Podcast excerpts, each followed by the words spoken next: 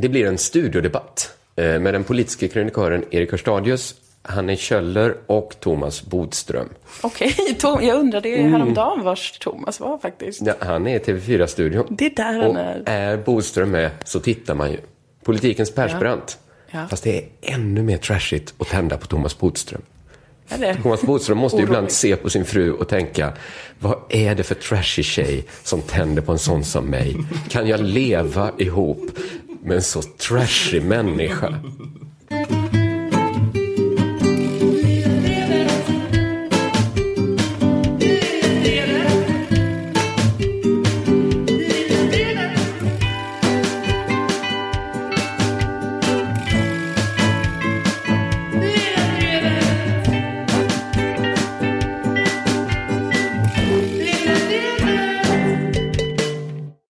Jag heter Ola Söderholm. Ni lyssnar på Lilla Drevet, ett pratprogram om politik och samhälle. Som ni kanske märkt så släpper vi under sommaren fyra samlingspoddar med eh, gamla favoritprator. Och det här är en av dem. Vi är framme vid den tredje samlingspodden som är helt och hållet tillägnad mannen som heter K. Även känd som Kristoffer, Kringlan, Twitter-Strindberg och kanske framför allt Krille det finns ingen anledning att dra ut på det här introt. Öppna en folköl, slappna av och låt dig bli underhållen av K. Svenssons språkglädje och flyfotade intellekt i ett par timmar.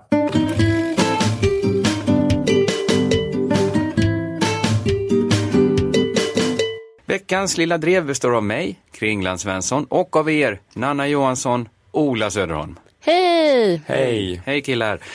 I veckan, hörni, har jag läst historieprofessor Dick Harrisons artikel om socialdemokratin i magasinet Neo.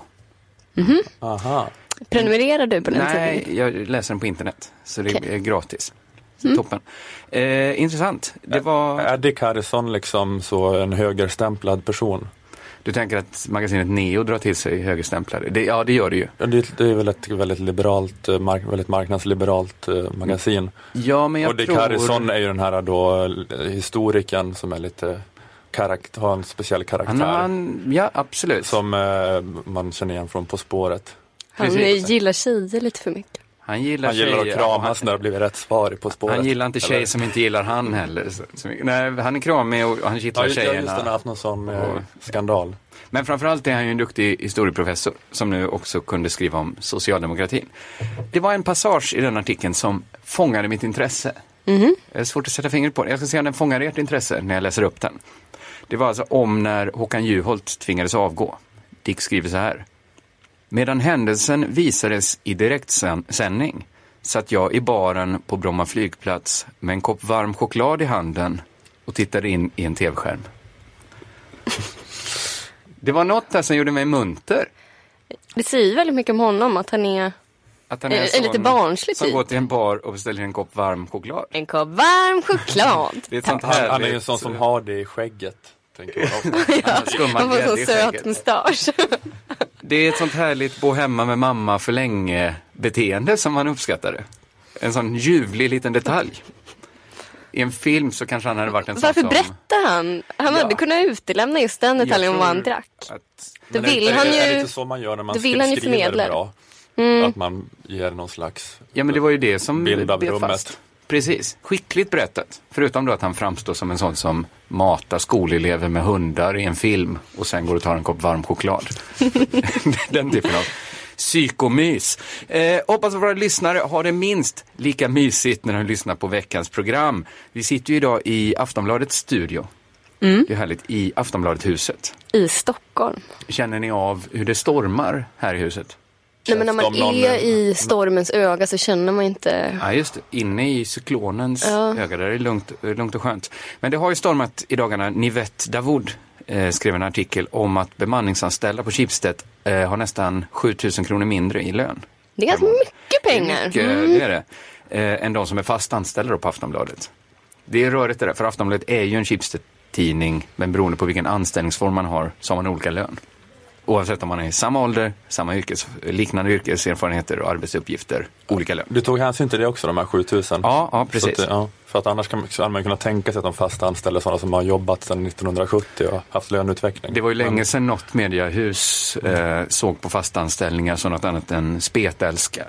Så att det, det är väl också, de är i en bransch där man, eh, det är ju ingen som vill betala för nyheter. Det kanske är kämpigt att nyanställa då, men man kan ju ge samma lön till alla, kan man tycka. Eh, mm. Även om de bara är till vis, tills vidare. Man kanske du menar att man ska sänka de fastanställda som är 7000? ja, det är vad jag tycker. Nej, men man, i en annan, i ett parallellt universum hade man kanske kunnat kompenseras för att man hade en osäker anställning. Strunt i det. Ni vet Davoud då, som skrev artikeln, ska enligt uppgift ha blivit uppkallad till Schibsteds VD Eva Idmark som gav henne ett ultimatum. Tänk om hon är här i rummet bredvid. Eva Idmark? Ja. Ja, det blir värre om hon är i rummet bredvid när hon lyssnar på podden. För det här är ju ljudisolerat det här rummet. Det, om man får så lite betalt som vi får från Aftonbladet, då har man i alla fall eh, friheten att snacka. Exakt. Ni, ni vet, jag vill inte ha någon som stormar in här. Ni, ni vet kan hon fortfarande liksom uh, göra repressalier mot. Hon har ändå lite att förlora men hon tjänar 7000 mindre. Hon fick repressalier nu. Hon fick ett ultimatum. Förflyttas till Aftonbladets resebilaga eller sluta. Och det tyckte jag var intressant att Schibsted använder Aftonbladets resebilaga som en slags gulag. Men det, alltså, jag tycker det låter ganska härligt att jobba på en resebilaga. Får man resa mm. då? Man får, resa. får man utvärdera Hawaii? Men det är ju det att alla vet att man gjort något skit om man jobbar där.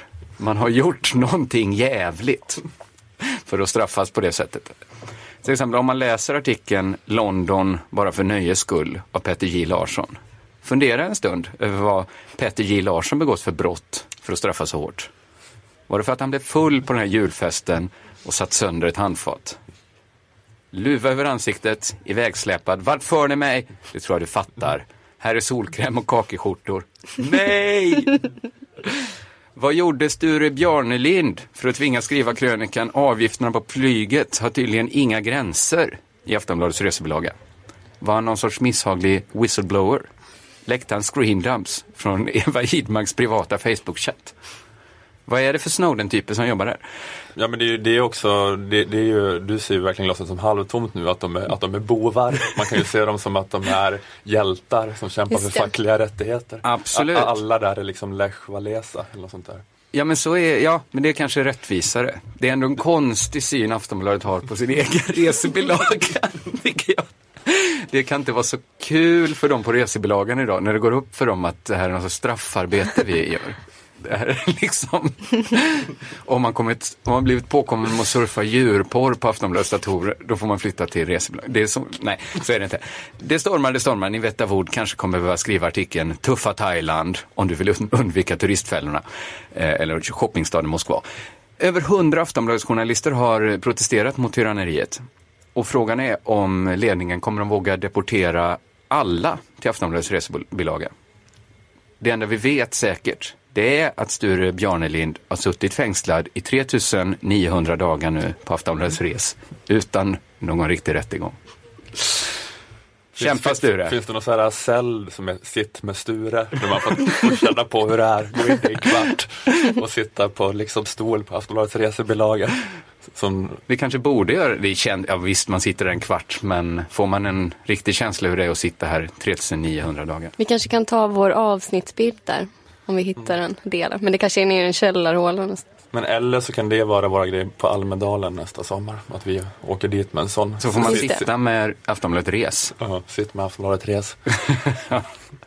så kan det vara. Eller så är vi inte kvar längre då. För att det här har läckt ut som sagt. Och då tvingas vi sitta i Rio de Janeiro. Ja, och skriva att det är mycket mer än bara samba. Ja, vi, kommer, inte behöva simulera något Aftonbladet sitt, sitt med res utan det Nej. kommer bli vår krassa verklighet också Fy, efter det här avsnittet. Fan. Vi passar på att leva medan vi är unga. Nu drar vi pluggen, vi filar topplocket, gasar i kurvorna. Tut tut, här kommer vi. Lås in farmor.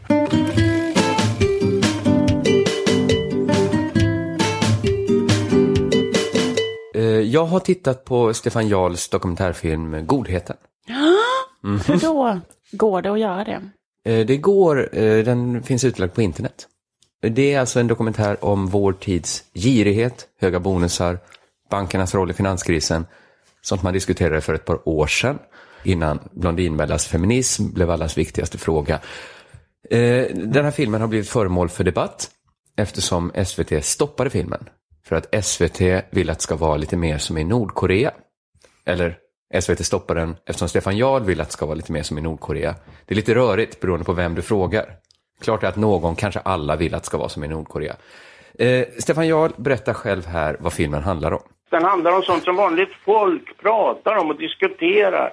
Det som du nämnde alltså, dyrkan av mammon, girigheten, egoismen och bankernas utdelningsorgier. Det är det här som SVT då vill eh, censurera. Som man gör i Nordkorea, där censurerar man. Och Stefan Jarl vill att samhället ska vara mer som 1975, alltså som det är i Nordkorea idag typ. Bakgrunden då, eh, jag vet inte om jag har koll på det. Du vet inte hur det var 1975, Ola? Nej, nej, nej. nej. Bakgrunden till det här då bråket är att SVT köpte visningsrätten men inte vill sända den innan valet. För att den är politisk en, politiskt enkelspårig. Och det är den. Stefan Jarl menar att den inte är partipolitisk. Det är den.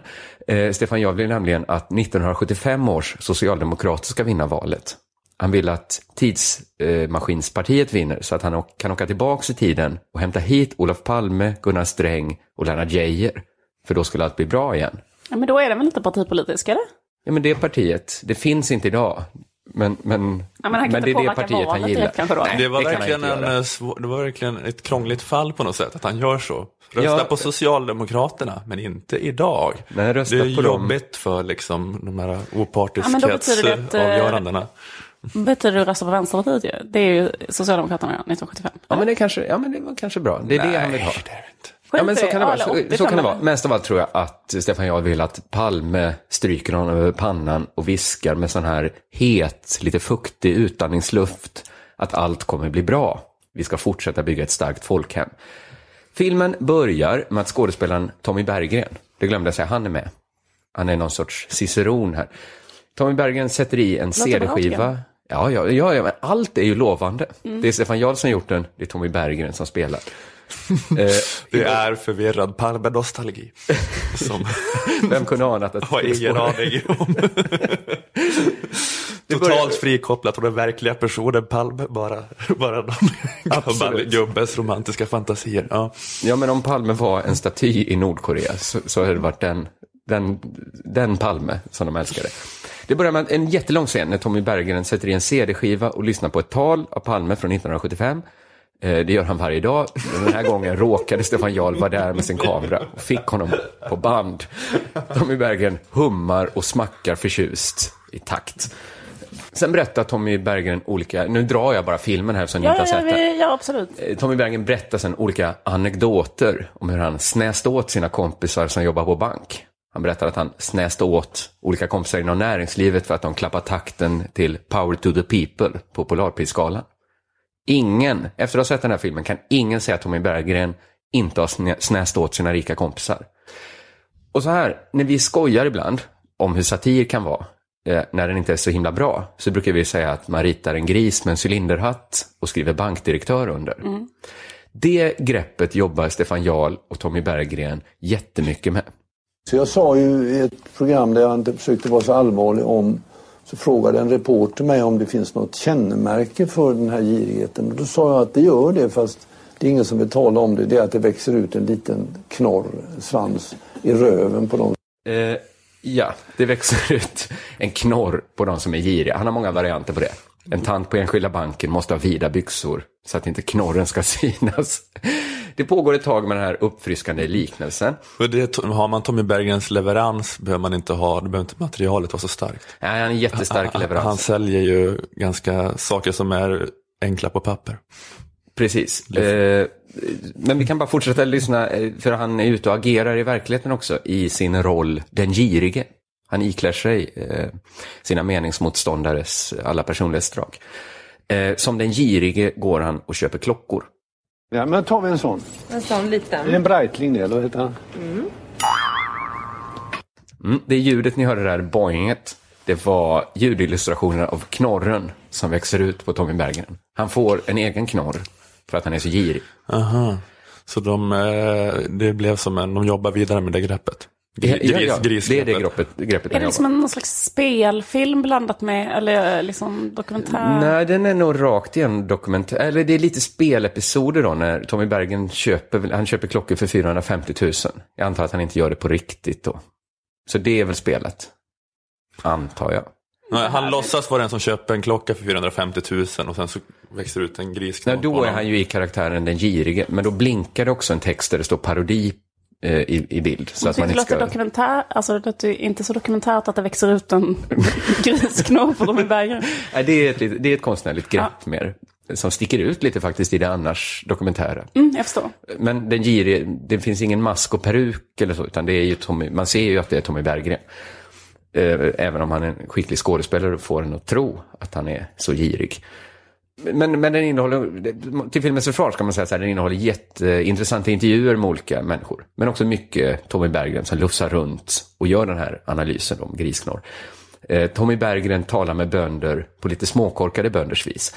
Det blir en märklig clash med de här eh, professorerna i nationalekonomi som ska, som ska uttala sig och Tommy Berggren. Eh, för alla de här eh, människorna pratar ju långsamt och viktigt om svåra saker som en teaterregissör försöker översätta åt eh, oss som ska se den då, så att det inte blir obegripligt. Jag kan mm. illustrera här med en bit ur filmen eh, så ni förstår. Det finns den här Occupy Wall Street-rörelsen som talar om vi är de 99 procenten. Och det ligger väldigt mycket i det. Det är en procent av, av de höginkomsttagarna som verkligen har dragit ifrån resten. Så den där bilden med tårtan, att tio personer som ska dela på en tårta med tio bitar. Det är så att, att en person äter upp nio bitar och resten får de nio ta på, på en tårtbit så att säga. Ungefär ja. Ni vet, komma där med procent. Vanligt folk hänger inte med. 99 procent, vad är det? Det är en niondel. Mm. Men det här känns ju ändå, det här tycker jag känns som väldigt intressant. Eh, att, alltså bara se eh, filmen Tommy Berggren lyssnar på en annan människa. Och att, översätter. Att försöker, försöker höra vad någon annan säger. Ja men vanligt folk, det blir så abstrakt så man får ta ner det på tårtnivå. Så 99 procent eller en niondels tårta, det är ungefär samma. Det här är som ni kanske förstår en mycket, mycket dålig film. Det finns intressanta intervjuer som sagt, men det väger liksom inte upp det från att vara ett fullständigt haveri. Varför vill då SVT inte sända den här pärlan? Är sprängkraften för politisk? Jag lyssnade på en debatt mellan Sabina Rasivala, kommunikationsdirektör på SVT, och Stefan Jarl. Mellan raderna insåg jag då vad det är som har hänt. Nej men alltså varför köper eh, eh, Sveriges Television in visningsrätter på den och de har haft sen i somras på sig att visa filmen. Kunde de väl visat den i höst då, eh, i så fall. Ja, det är ju och så att vi har man... väldigt många intressanta program och ett stort brett utbud att visa. Och vi har ju köpt visningsrätt, eh, vilket innebär att vi har inget ägande i filmen, vi har ingen del av intäkterna. Och vi köpte den här visningsrätten innan filmen var färdig. Aha. SVT köpte grisen i säcken. De litade på att Sveriges bästa skådis och Sveriges bästa dokufilmare skulle kunna snickra ihop något sändningsbart. Mm. Det här är bara min tolkning nu. Men för att slippa säga att Stefan Jarls film går inte att sända. Det, det, alltså det spelar ingen roll hur mycket valår det är. Så säger man att den är lite för politisk. Men liksom SVT sänder ju ändå eh, Hela Sveriges fredag, eh, till exempel, Gladeligen. Ja, men det är väl bra i sin genre, antar jag. Men det, det kanske är den genren det är fel på. Men jag fattar inte varför Stefan Jarl är upprörd då, för att de ger ju honom en, eh, det är mycket Alltså, det är värdigare för Stefan Jarl. Ja, det är mycket bättre att bli censurerad än refuserad. Han ska ju bara tacka för det här köttbenet. Han ska han backa fått. ut rummet på så mjuka fötter som möjligt. Eh, men jag tycker bara, ha det i åtanke när vi lyssnar på hur debatten går sen. Hade man inte kunnat lägga en debatt till exempel efter den här filmen? Om man nu är orolig för att, att det bara är en typ av åsikter som kommer fram. Ja, den diskussionen fördes faktiskt. Men vi ansåg ändå att vi inte hade tillräckligt utrymme för att ta hand om den. Eh, och det hade vi... kunnat bli en spännande debatt. Det tycker jag med. Det hade varit en jättespännande debatt om hur dåliga filmer SVT får visa. Det, det hade jag tyckt varit spännande. Eller? Hade inte ni tyckt det var kul att höra? Hade, hade um, publiken inte klarat att se det? tror absolut att vår publik är kapabel att bedöma eh, innehållet i en sån här film. Men varför chansa? Det finns kanske de som inte klarar att se en alldeles för dålig film. Stefan Jarl avslutar diskussionen på absolut värdigaste sätt, riktat mot Sabina Rasivala. Att, att du får säkert ökad bonus nu när du har lyckats förtrycka yttrandefriheten med ditt gedigna arbete. Vi får, vi har faktiskt inga bonusar på Sveriges Stefan, Television. Stefan Jarl. ja, så, så är det med det. Men, eh, men det är väl bra att han får leva i den här villfarelsen att han är så obekväm som konstnär.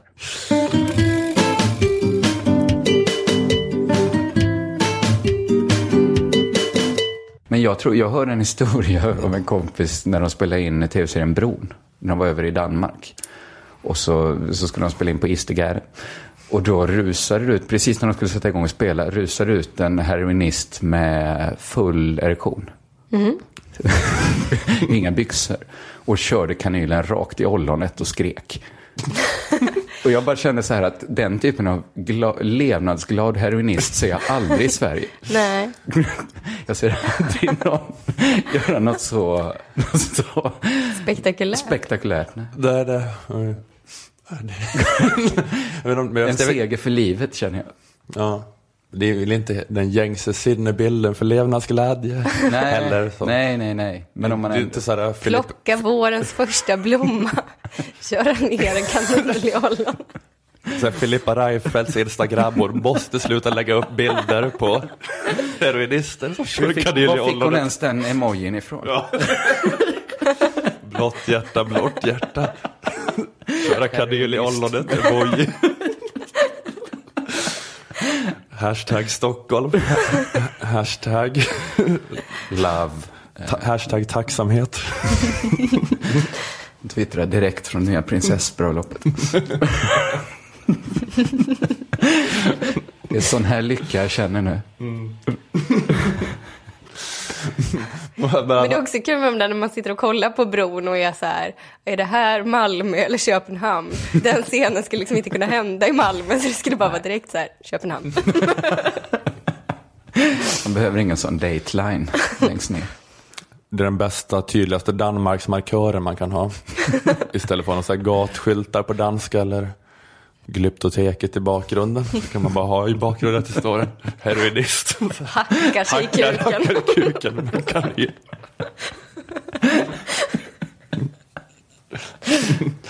Vad är lycka för dig? jag har gjort mitt val. Han är en sån där karaktär i reklamfilmer i Danmark. Han är deras Iprenman. Telia-pappa. Det är så här pensionsförsäkring att du ska ha en gyllene ålderdom. En sån, en yngre version av honom man får se.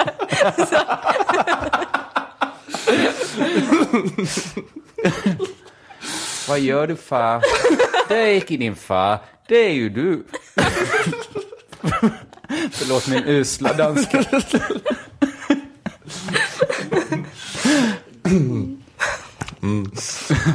Just det. Och gråhårigare version av honom själv. Så hackar sig i kuken i lite futuristiskt landskap.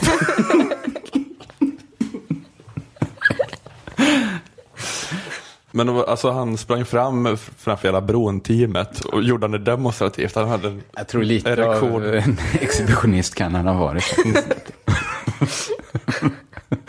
Man vet inte. men fick de det på band? För det skulle kanske kunna vara en sån grej som skulle kunna rubba Beatrice Ask. Det är Få hennes för- hårda för lilla hjärta att smälta. Lite bloopers från, lite bakom filmat här.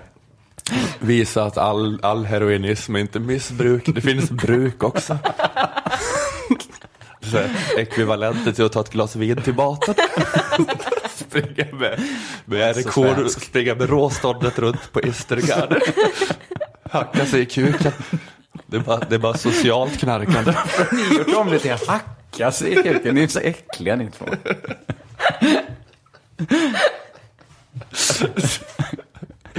Rostiga kanylen försöker dunka in den. i ollonet. Mm.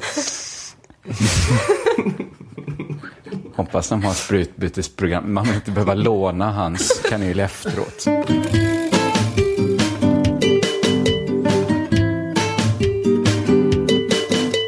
Jag avbryter för att berätta att den här kavalkaden av K är möjlig tack vare Lilla Drevets eh, högt aktade sponsor Akademikernas A-kassa. A-kassan för dig som är akademiker eller för dig som är plugghäst och eh, sittkissare om jag ska använda Kristoffers eh, lingo. Man kan ansluta sig till Akademikernas om man är en person som har 180 högskolepoäng eller om man är en student som är på väg att ta så många poäng. Eller så räcker det med att ha 120 poäng om man är en uråldrig gammal bockstensman som jag som pluggade innan Bologna-reformen och det här nya systemet. Var det så när du pluggade att du cyklade på en cykel med jättestort framhjul, att det bara fanns killar på universitetet? Och har du R i ditt ansikte efter mensurfäktning under din studietid? Då är du antagligen en sån som bara behöver 120 poäng för att gå med i akademikernas a-kassa. Men det viktiga är inte vilken a-kassa man går med i utan att man är med i en a-kassa. Akademikerna har skapat sidan väljaakassa.se där du kan se vilken a-kassa som passar för dig. Det kostar bara 90 kronor i månaden att vara medlem i just Akademikernas.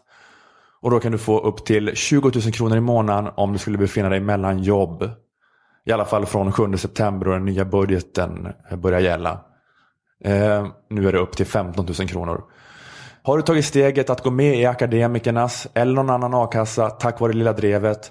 Skriv det gärna i din ansökan och berätta gärna om det i sociala medier under hashtag Lilla Drevet.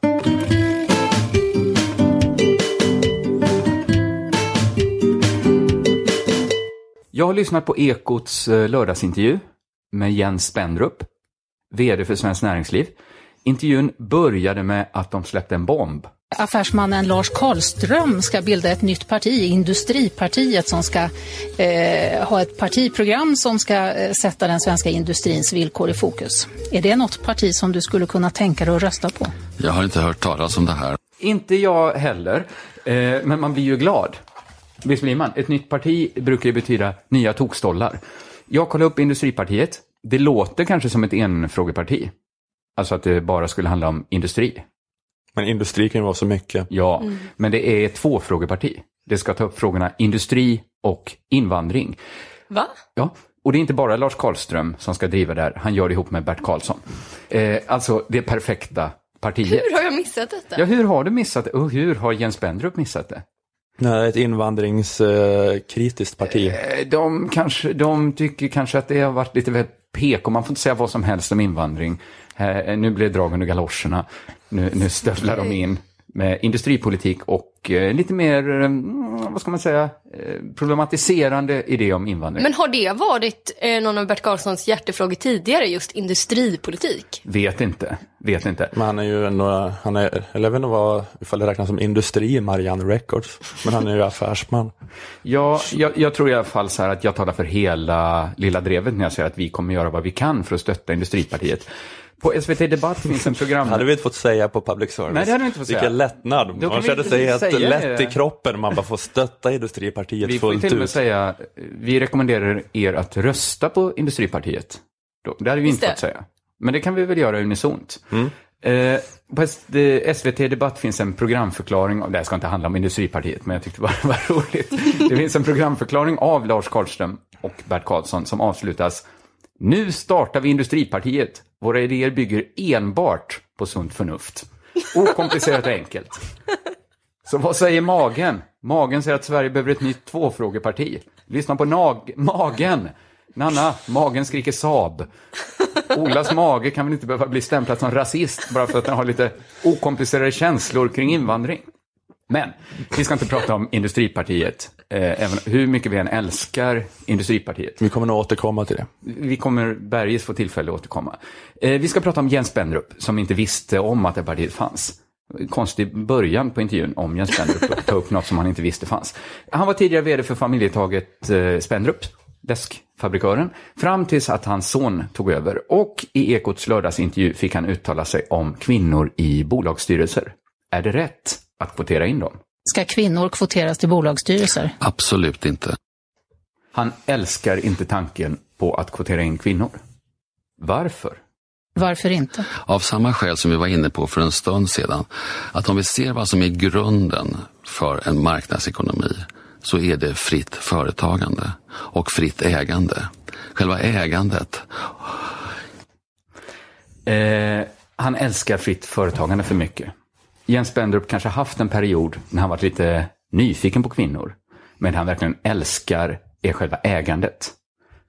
Jag, jag, tycker väldigt mycket om det här. Kan vi inte lyssna igen på den här lite kåta inandningen han hade? Vi bara lyssnar här. Själva ägandet.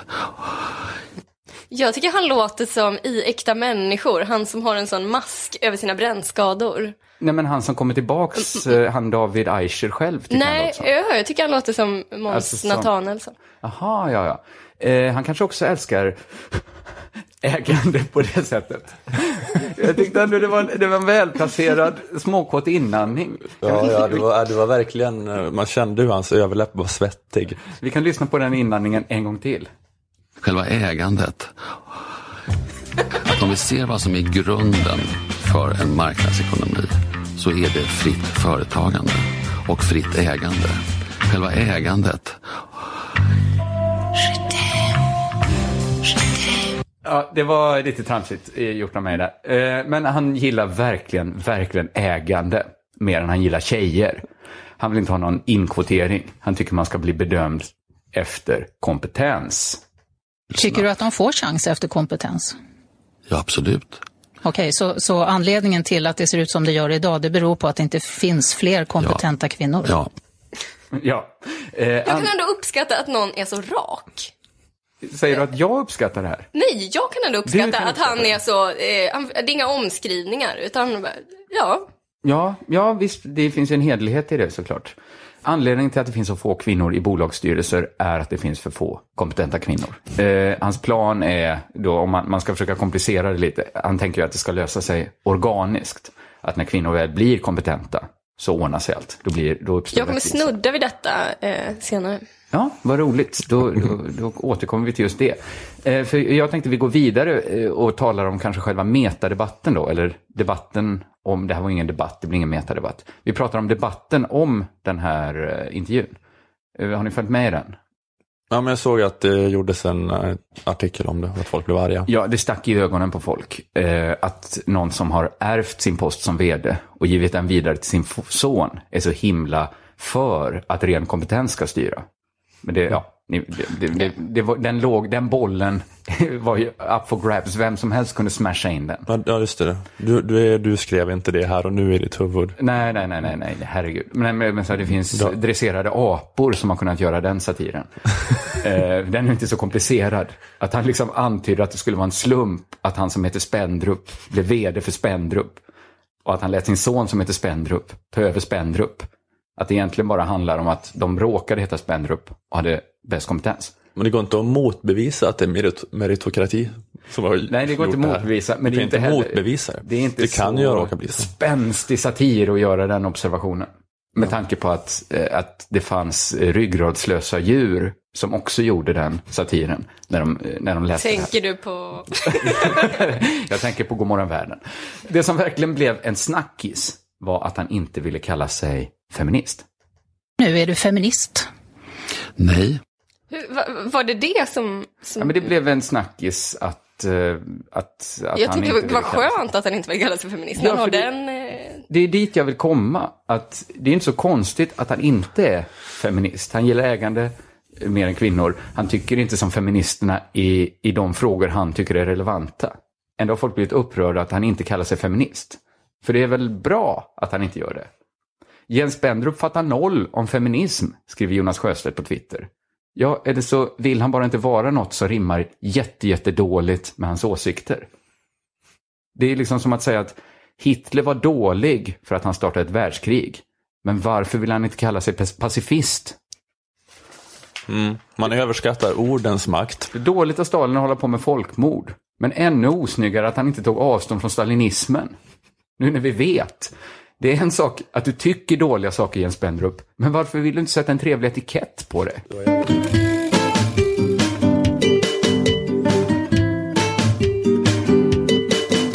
Jag tänkte vi skulle prata lite om Maria Abrahamsson, mm. ledamot av Sveriges riksdag, moderat och kvinna.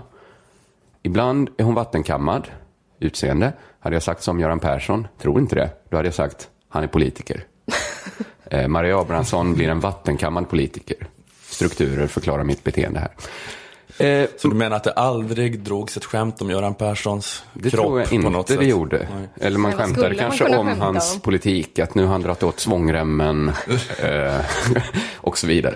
Nu har han rullat över till EU-parlamentet.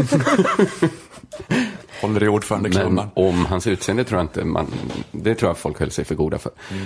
Maria Abrahamsson har varit illa ute. Först förlorade eh, hennes parti hela valet. Och folk försöker säga, med detta fascistval är hela Europa förlorat. Men vi vet ju att det var Moderaterna som förlorade. Det var inte Europa, det var de. Eh, nästan alla tyckte att de var bu. Alla sa, ni är samma gamla Bo Lundgren-parti som alltid. Nu sticker vi. Vi ska bara förbi FIs valvaka först. Alltså det var eh. för deppigt med Moderaternas valvaka. Ja, det var ju inte smickrande bilder när de klippte över. Roy Andersson-estetik. Eh, och bara massa så här gubbar som står och ser deppiga Ja, alla har skämtat om att det såg ut som ett sovjetiskt snabbköp när matbristen var som värst. Vi har skojat, vi har skojat om att det såg ut som ett hunddagis när hundarna har gått hem och personalen är kvar och dammsuger upp håren. Så såg deras valvaka ut. Eh, snabbt klipp till FIs valvaka som såg ännu roligare ut. Hur ska då Moderaterna hämta sig från det här? Svaret är primitivt. Jag tänker då på moderaten Maria Abrahamssons Twitter. Mm. Efter att hon förlorade valet jättemycket så skrev hon en helt vanlig text på Twitter om att ha för stort midjemått att man som kvinna inte får ha ett midjemått som är över 82 centimeter, för då är man sjukligt fet. Just då kan man, man få diabetes. Då är man så fet så att man kan skada eh, sin hälsa allvarligt. Och så råkade hon då lägga upp en bild på miljöpartisterna Isabel, eh, Isabella Lövin och Åsa Romson. Så mm. det såg ju ut som att Maria, Maria Abrahamsson tyckte att tjejerna i Miljöpartiet var lite fläbbiga. Eh, det var ju också sen de förklarade att det var precis det hon menade. Ja, det såg ut som att hon menade att Miljöpartiets kvinnor är mycket kvinnor att älska. Ja, det var liksom sen, jaha, ursäkten. Alltså, jaha, ni tänkte så. Alltså, jag menar bara att de var tjocka. det var så hon pulade sen. Det var bara det jag försökte säga. Det var ett uselt, uselt uh, pudlande. När hon bad om ursäkt så skrev hon, är vi inte lite väl överkänsliga för att kommentera offentliga personers utseende? Det var hennes förlåt så himla mycket. Hon avslutade sin ursäkt. Eh, häcklandet av finansminister Anders Borgs frisyr pågick i många år, ackompanjerat av omgivningens förtjusta fnitter. Och var är de upprörda kommentarerna när det påpekas att statsminister Fredrik Reinfeldt har gått ner i vikt? Eh, men att knysta med en ganska uppenbar rondör är tydligen tabu när det gäller rödgröna politikerkvinnor. Det var mm. hennes ursäkt. Det är svårt mm. liksom att vaska fram själva förlåtet. alltså en ursäkt brukar ju innehålla ord som förlåt, eh, ursäkta eller jag gjorde fel, nästa gång gör jag rätt. Men om man nu ska gå på att någon är tjock, var någon inte lite konstiga symboler för det? Alltså... Ja, det här med att det är uppenbaren då, för jag har faktiskt aldrig tänkt jag på det. Jag har aldrig heller tänkt. jag menar inte... Det är ju inte så att eh, om man får ett associationstest så här, tjock, Åsa Romson, Flebby, eh, Isabella Lövin, fortsätt mata mig med fler. Det, det, funkar inte riktigt så. Det är inte det första som kommer till en när man ser Nej, Miljöpartiet. Men, men, men det man reagerade på först var väl själva galenskapen i det. Att det är så ovanligt att göra ett sånt liksom, markant klavertramp. Men hon är ju lite av en, eh, hon är ju inte någon som Per Schlingman har kommit åt med den här eh, rebrandingen av Moderaterna. Att de ska vara mjuka och ha på sig en mysig tröja och använda fina ord som samhällsbärande istället för nej, nej, skattesänkande. Hon, Utan hon, hon, hon, är så, hon, alltså hon var ju journalist till alldeles nyss. Hon var ju sådär, Svenska Dagbladets bulldog liksom, som alltid så, så, sa de hårdaste sakerna. Sen så bytte hon till Ja, hon har inte fått samma skolning som de här andra moderaterna har fått i att, att lugna ner sig. Nej, precis. Men för, för, det var det jag reagerade på först, men sen så insåg jag att det är kanske genialt gjort av Maria Abrahamsson att göra så här. Mm -hmm. Ja, men för att eh, hon vet ju så här att den där ursäkten var ingen superbra ursäkt. Och hon vet att det där twittret var fel. Alltså, man kan inte kritisera henne för så här, hallå där, du råkade göra fel. Hon visste ju att det var fel. Eh, Eller, det var ju hela poängen. Hon ville ju hon var inte ute efter att göra rätt. Hon var ute efter att, psykning. hon var ute efter att skada, tror jag. Att det är det som är så primitivt. Det var därför hon gick på utseendet och inte på politiken. För hon vet liksom att det skadar väl inte miljöpartister eller sossar att man angriper deras politik. För de har väl inga så här åsikter som de är stolta över riktigt. Det är inte så att någon miljöpartist är beredd att dö för sina åsikter. Det, ska, det går ju liksom inte... Nej, det verkar orimligt. Ja, det skadar liksom inte deras person på något sätt. Ingen, de, de var ändå inte beredda att ta en kula för det. Så att om man vill försvara...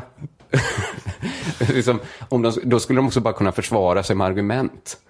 Så att om man vill komma åt dem personligen, verkligen så här, rista ett R i dem, något som, oavsett vad de tycker om det så kommer de bära med sig det nu. Ja, ja. Så måste man liksom gå dj- djupare, peta där man tror att det gör ont på riktigt. Så, vad jag vill är att se dig gråta. Men det är också så, Ja, det är också så himla elakt att gå på, gå på någons vikt med det här, jag är bara orolig för din hälsa. Du är så tjock att det är farligt, så det är bara, det, jag är bara... Så ta inte det här personligt. Nej. Men det verkar helt sinnessjukt att säga så här, eh, hallå där, du gjorde, det där var klumpigt uttryck. Det var hela tanken, Ja. var ju så här, nu vill jag se hur mycket skada. Alltså jag är beredd att göra fel, för jag vill skada.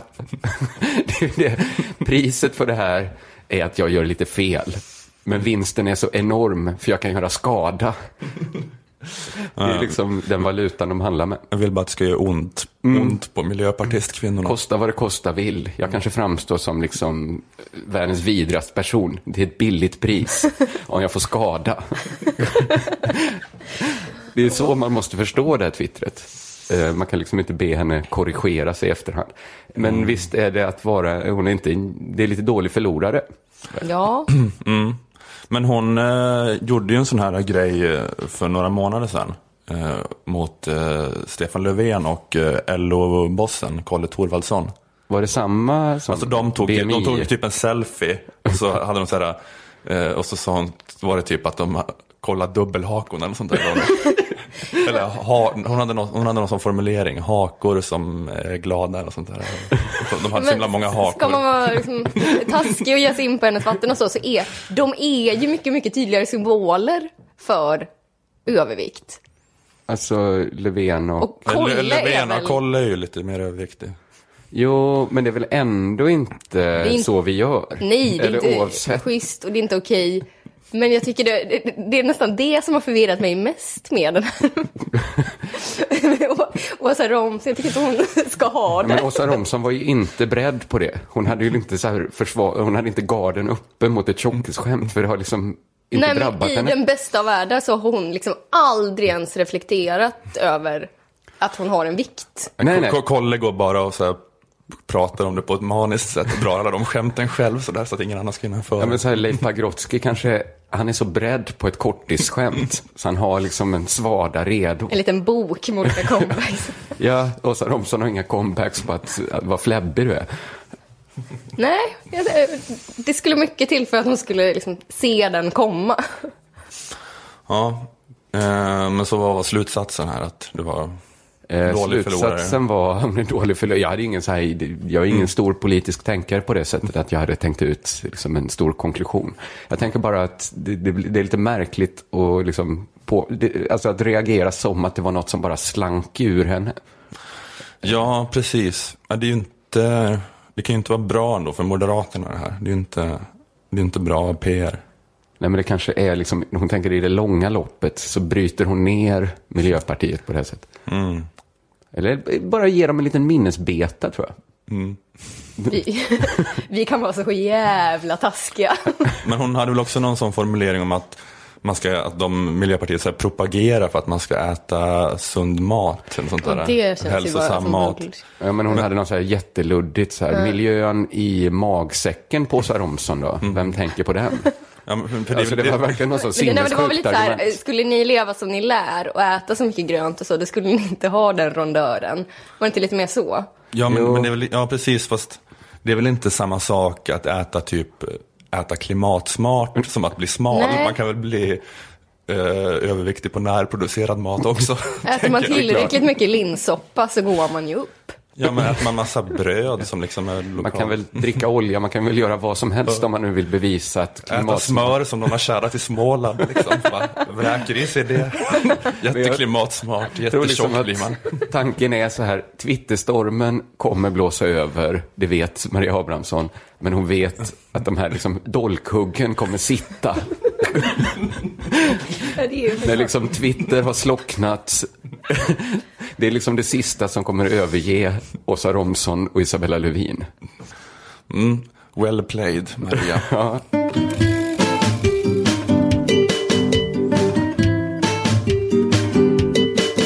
Vad roligt det var att få höra på Lilla Drevet och inte vara med. Jag satt ju i frysboxen förra veckan.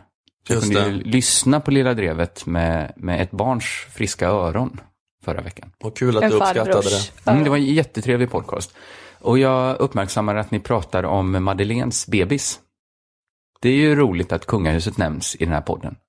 Mm. Visste ni att jag är medlem av Royalistiska föreningen? Har du gått med nu? Jag är med. Jag hade ingen aning. Nej. Jag hade inte gissat det. Det är alltså en förening som strävar efter att stärka och bevara monarkin. Och det kostar bara 200 kronor per år och då ingår fyra nummer av tidskriften Royalisten. Så det är tips. Eh, nej men, har du varit med så länge att du hunnit få tidningen? Nej. Jag, jag har tidigare bara likat på Facebook. Nu är jag med på riktigt. Jag har betalt in pengarna också. Du går verkligen in på att provocera människor. Det kan väl inte vara provocerande att vilja bevara det system vi har? Det är väl provocerande att vilja omstörta ett system. Nej, men du vet ju att jag är intresserad av kungahistoria. Titta där. Där är alla mina böcker om Gustav IV. Står på översta hyllan. Just det. Eh, det tycker jag är mysigt. Eh, och jag skulle inte... Alla truppförflyttningar under stora nordiska kriget har han här. Vill, vill du hetsa upp mig så, så tar vi det här efter programmet. Jag skulle inte vilja leva utan monarkin, eh, så därför är jag med i Royalistiska föreningen. Gå med ni också om ni tvekar så finns det en lista på Royalisternas hemsida, roif.se, med sju argument för monarkin. Jag tänkte vi kunde titta på dem. Du kunde förankrat det innan du skaffade en ny sponsor till podden. Tycker jag. Du kunde haft ett möte om det här redan. Roif sponsrar inte den här podden.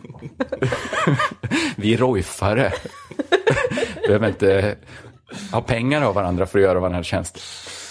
Här är deras lista med sju argument, Roifarnas alltså, för monarkin. 1. Monarkin i Sverige är ett väl fungerande statsskick som samverkar med demokratin. Den politiska makten ligger hos riksdagen då all makt utgår från folket. Ja, det är kanske mer ett argument för att införa republik egentligen. Eh, men de har fler argument. 2. Eh, Monarkin vilar på en tusenårig tradition och måste bevaras. Eh, just det är kanske inte så himla bra argument eftersom det finns tusenåriga traditioner som inte är supersofta, som vi inte vill bevara. Mm. Men, men, det finns med. Eh, tre, arvsrätten är en garanti för att den historiska förankringen ska bibehållas. Det tycker jag låter vackert. Synd att det inte betyder någonting. Vad menas med den historiska förankringen? Nej, det var verkligen, alltså just arvsrätten, att de ärver sin titel. Just, eller är det arvsrätten i stort? Ja, det, det, är nog den, alltså vad heter det? Nu kommer jag inte på vad det heter. Successionsordning. Precis. Men i så fall är ju Sveriges historia bara 200 år gammal. För det är ju så länge eh, huset Bernadotte har suttit vid ja. makten i Sverige. Inte vid makten, suttit i Sverige. eh, så ingen super... Men fyra, tronarvingen fostras och skolan, skolas från början till att bli en bra statschef utan politiska förtecken. Det är ju inget argument för monarkin i sig, utan mer ett villkor för att monarkin överhuvudtaget ska fungera. Att man faktiskt... Ja, precis. Det är ju det är inte riktigt Ah, inget superargument det heller. Eh, fem, kungen blir därigenom en viktig samlande symbol för hela nationen. Det är ju bra, tycker jag. Att man samlas kring något, att nationen kan enas kring något mer beständigt. Fast samlas vi alla kring kungen? Ja, men nu när vinter-OS håller på att förstöras av TV3 ja, så är det kanske bara kungen som är kvar. Vi har ju ingen religion förutom statsfeminismen. Eh, det enda som håller ihop oss idag är ju Melodifestivalen och tron på att Göran Lambers är galen. Det är det enda, och vinter-OS då såklart, som vi kan enas kring. Eh, så, så där kanske de har något ändå. Att, eh, nu, är så, nu finns det ju bakåtsträvare som inte vill att vi ska enas kring någonting. Eh, sex, monarkin är ett billigt statsskick. Mm. Det är billigt med monarki. Eh, alternativet att inte ha någon kung alls är ännu billigare. Ja, visst måste det vara så Det är inget superargument. Eh, du får ju dyra en president där, det vet inte jag. Nej, men om statsministern bara kallades president skulle väl det... Det namnbyte skulle kosta några tusen om man får trycka upp nya visitkort och sånt. Ja, men det är väl att då skulle ju statsministern vara tvungen att hålla på med massa skit som kungen gör nu. Antar jag. Ja, okej. Okay. Men lika billigt då? Ja, jag, jag vet inte. Ja. Nej, inte jag heller. Mm. Sju, all goodwill då som inte går att mäta i pengar. Alltså att Sverige får lanseras utomlands som någon slags sagoland. Vi är inga Mumintroll i Sverige, men vi har prinsar och prinsessor. Mm. Eh, det är så himla... Det, det, ja, det är en väldigt konstig tanke faktiskt. Eh, alltså om, man, om man tänker liksom på vad man tycker är ambassadörer från andra länder. Det är väldigt sällan monarkerna liksom sådär som jag tänker skulle vilja göra att typ en svensk skulle vilja liksom investera i Spanien eller eller jag, jag tänker, vad, vad är, alltså, det är väl mer kanske så här Zlatan och Robin som folk är imponerade av som är svenskar. Ja, men om vi aldrig hade haft kung i Sverige och vi fick höra talas om det finns något som heter kung, då hade man kanske tänkt att det är något i, i liksom Afrika kanske. Det känns väldigt liksom, det känns främmande, tanken. Det känns, det har något hövdinglikt över sig. Alltså jag tycker inte de här, det smärtar mig lite som royalist att de här sju argumenten inte är så bra. Nej. Alltså de är inte superstarka liksom. Det är svårt att vara royalist när argumenten för det är så svaga. Så jag skulle vilja lägga till ett åttonde argument. Eh, som liknar argument fem lite, att kungahuset är en viktig symbol. Okej. Okay. Det är det ju. Det är en viktig symbol eh, för att samhället inte är rättvist. Eh, en symbol för att man föds med olika förutsättningar. På det sättet är det en viktig symbol. Det finns ju vidriga krafter i samhället som vill ta bort den här symbolen. Som inte vill att vi ska synliggöra orättvisor. Alltså som vill hoppa på själva symbolen, men inte det orättvisa systemet. Eller hur? Mm. Men du, du menar att det här liksom är eh, en bra eller det här är liksom en så bra undanmanöver med kungahuset också för att det får alla eh, alla liksom så här hobbyintellektuella har något så tydligt att hetsa upp sig över. Ja, att det... Det, här, det här är så extremt konstigt så man tar inte tur med det som med ett problem på riktigt. Nej men precis, eller framförallt så är ju inte kungahuset ett problem. Det är ju liksom en gammal feodal kvarleva som bara symboliserar någonting. Det, det, det är säkert bra att vi inte säger neger idag. Men det var ännu bättre att man började med att avskaffa slaveriet. Mm. Alltså, förstår ni vart jag vill komma? Den här svarta dockan i kalanka på julafton var ju en symbol för hur vi en gång såg på svarta. Men det har ju inte varit en lösning att bara ta bort själva symbolen om vi inte först hade liksom förändrat vår bild. På Republikanska föreningens hemsida, repf.se, har de listat argumenten för republik. Och de har bara tre argument mot royalisternas sju, så redan där har de förlorat. Men det sinnessjuka är att deras starkaste argument är att monarkin är odemokratiskt eftersom makten går i arv. Det är ju ett så hopplöst kälkborgerligt argument. Som att makt bara är det som fördelas i demokratiska val. Att det inte skulle innebära någon makt att ärva pengar eller inflytande. Alltså, man vill bara ta bort symbolen för det systemet som vi redan har. Fast det behöver man väl inte. Alltså det ena behöver väl inte utesluta det andra. Att man typ vill avskaffa eh, hela överklassen och arvsrätten och jag tror eh, inte vill man, avskaffa Man kan gissa att eh, alla, alla folkpartisterna i Republikanska föreningen, där är de bara kungaarvsrätt. Man får ju vara liksom någon sorts superliberal, eh, nästan 1800-talsliberal för att vilja ta bort hela arvsrätten. Det hade ju varit super om Republikanska föreningen ville det. Jag tror inte att de här lärarna som är lite hobbyintellektuella och med i Republikanska föreningen är så sugna på den här engelska liberalismen det, det skulle absolut eh, varken göra till eller från att just kungahuset inte fick ärva sin makt. När resten av samhället inte funkar så. Därför är jag royalist. Det kostar bara 200 kronor i månaden att vara med och bevara en viktig symbol. Det har de flesta, det har ni råd med. Eller hur? Ni har råd att lägga 200 kronor på att bevara en viktig symbol. Ja men eh, jag tror inte den, den står väl inte och faller, den verkar ju vara kvar ändå. Eller du menar att det är ändå fult om jag inte drar mitt strå till stacken? Jag tycker det. Det hade inte funkat om alla tänkte som du. Jag tycker det hade varit en intressant rörelse. Att massa människor börjar gå med i Royalistiska föreningen. Ja. Ska ni med? Men alltså, jag tror de allra flesta är nog för arvsrätten också. Börjar jag åtanke här. Folk vill nog inte vara med. Jag, jag vet inte vad jag tycker heller. Är det, det är kanske nödvändigt med arvsrätt. Så Royalistiska föreningen är en alldeles för progressiv rörelse? Vi som bara vill ha kvar symbolen för något vi tycker är vidrigt. Ska ni med? Eller älskar ni klassamhället? Men du menar, är det så, det är det då Royalistiska föreningen säger implicit, vi vill ha kvar arvsrätten här och avskaffa den överallt annars? Jag tolkar det som man lägger till. ja, men det är väl klart att, att man kan inte plocka bort symbolen innan man har förändrat samhället. Då är det bara att, eh, ja men om man ska säga någonting. Eller så kan man det, så börjar folk rikta ilskan mot eh, ja, men kanske mer eh, den lite bredare överklassen. Nej, men det handlar ju om att synliggöra, alltså att när samhället gick från feodalt till säg, kapitalistiskt samhälle så var det svårare att se hur maktförhållandena såg ut. Det behövdes ju en ny analys av det. För att det, det är lätt i ett feodalt samhälle att se. Det är svårare i ett kapitalistiskt samhälle att se mm. Mm. hur makten är fördelad. Men hur fan ska man avskaffa arvsrätten? Hur ska det gå till? vet inte. Vi, man kan väl införa i alla fall någon slags tak? Vi jobbar dag och natt i Royalistiska föreningen med det här. ska inte jag få mina föräldrars grejer när de dör? Vad ska, vad ska vi göra med de grejerna? De får vi Har kasta. ska, vi säga, då, ska, ni, ska Realistiska föreningen åka runt spela Karl-Bertil Jonsson då med alla mina, mina föräldrars grejer? Vi har jätte, jätteloppis och sen delar vi upp pengarna mellan oss i Royalistiska föreningen. Ja, Blocket-revolution här, att vi ska sälja folks föräldrars gamla grejer bara. Ja. Fotoalbum med Ola som liten. Hamnar på svarta marknaden. Ola på någon sorts här björnfäll. Mm. Det enda Royalistiska föreningen vill är att de här bilderna på mig på, som barn på en björnfäll, att så olika gubbar ska runka till dem. Hellre det än att du bara ärver dem och ställer till, i någon bokhylla. Vilka pedofiler ska köpa dem. Vi jobbar på det, ja, ja. vi royalister.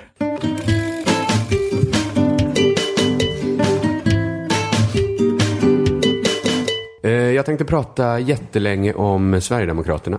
Mm. För det har ju varit en helt vanlig nyhetsvecka.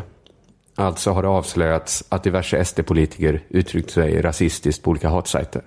Det var en jättekonstig nyhetsvecka om det, inte, om, det, om det inte var så. Nej, men förr kanske en vanlig nyhet handlar om Pernilla Wahlgrens barn. Men nu har de blivit så gamla och osympatiska att inte ens, polit, äh, att inte ens pedofiler är intresserade av dem. Så vi har fått hitta ett annat fokus och det blev vad burkensfulla sverigedemokrater häver ur sig under falskt namn. Det är det nya.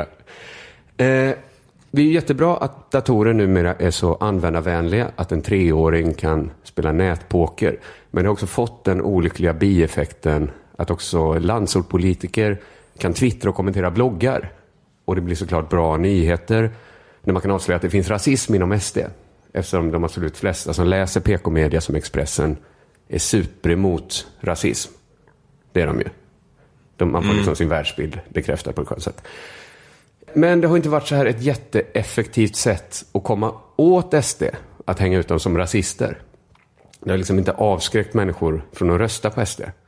Det beror ju på hur många som hade röstat på dem ja, det annars. Det blir väldigt hypotetiskt. väldigt hypotetiskt. Men man har en känsla av att siffrorna har inte gått ner direkt. De har, de har inte skrämt de kanske bort. inte har gått upp lika mycket som de kunde. Nej, men, är, men man har inte känslan att det är lite som att säga rösta inte på Vänsterpartiet. De vill utjämna samhällets orättvisor. Mm. Eller rösta inte på Centern, för då blir det ett jävla fart på småföretagen. eh, man måste ändå misstänka att det är just rasismen som utgör lockelsen. För då blir det mycket mera mångfald i vargstammens genpool om du bara röstar på Annie. Rösta inte på Centern, för då kanske Annie blir, får en ministerpost. Alltså, ja, ni förstår eh, tanken här. Eh, utan det kanske är liksom lockelsen då med att rösta på SD. Att, det blir, att man, om man hör en nyhet om att en SD-politiker var rasist så kanske det är med ett kvitto på att man inte kastat bort sin röst på någon flummare. Utan på en som faktiskt vågar säga sin ärliga mening under falskt namn. Man kanske kan jämföra, tänker jag här, rasismen i Sverigedemokraterna med alkoholprocenten i vin. Att det kan stå så här en sommelier och droppa sin långa näsa i ett vinglas, gurgla runt, prata om bouquén, det är ofta sommaräng i Palestina, nyvässad blyertspenna, fem solar Absolut, jättebra. Men hade det inte varit för alkoholprocenten så hade liksom ingen brytt sig. Man har liksom sett dödsdömda närma sig elektriska stolen med större livsglädje än Bengt Frithiofsson närma sig en flaska alkoholfritt blåbärsvin som han är tvingad att betygsätta för sakens skull. Så tänker jag liksom att det är med Sverigedemokraternas rasism.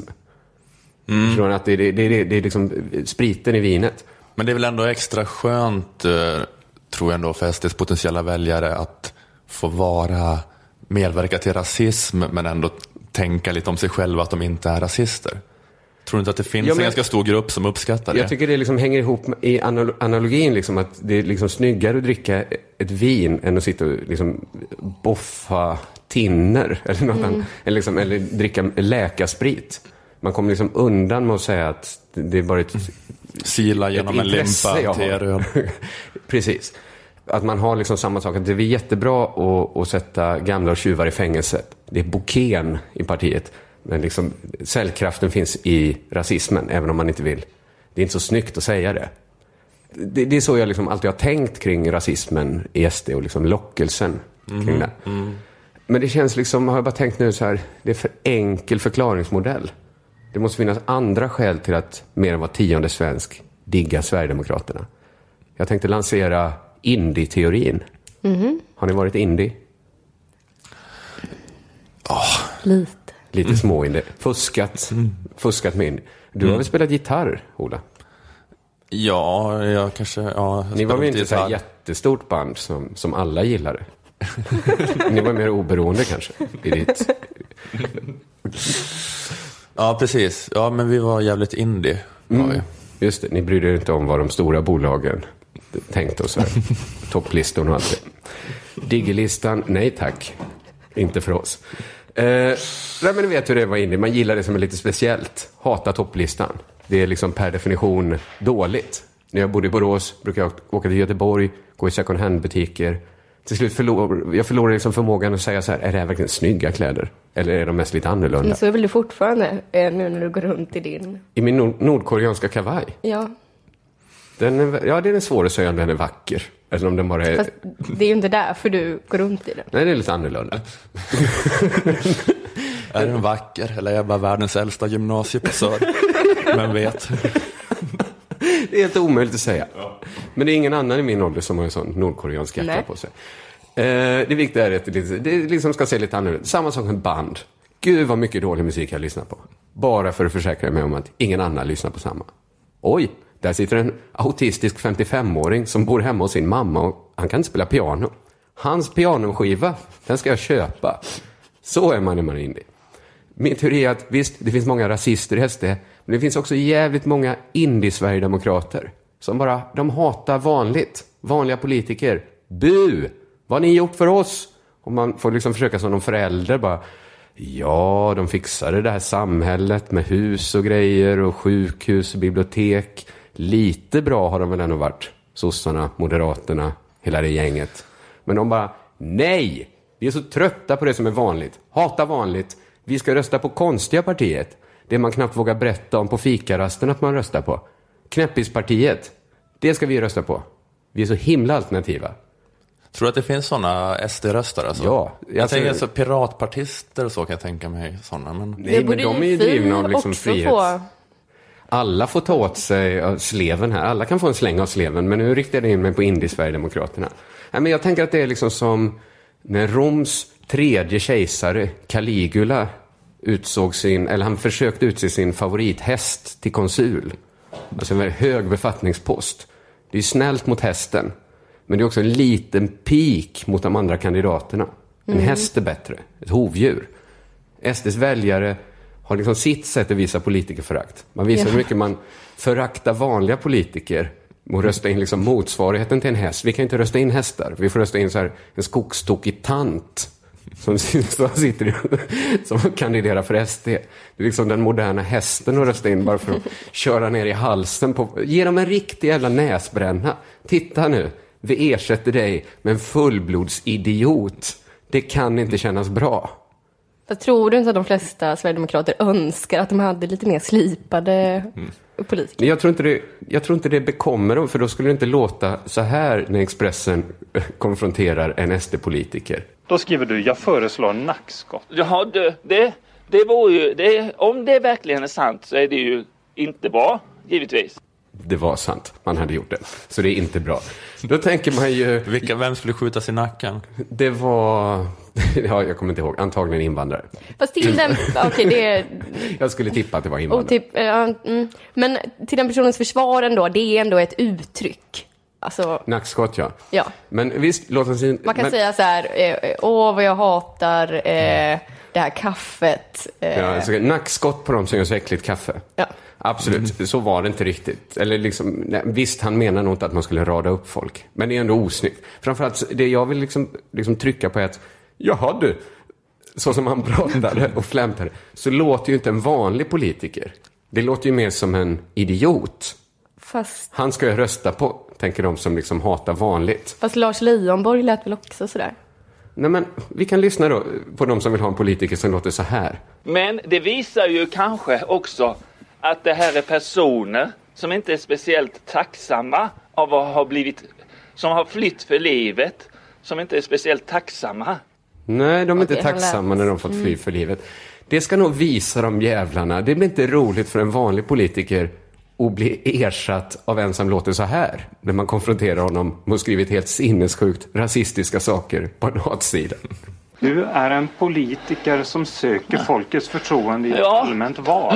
Då får de, då får de avgöra. De får väl titta på ditt reportage här nu och avgöra. Nu ser inte ni som lyssnar hur Thomas Bengtsson ser ut.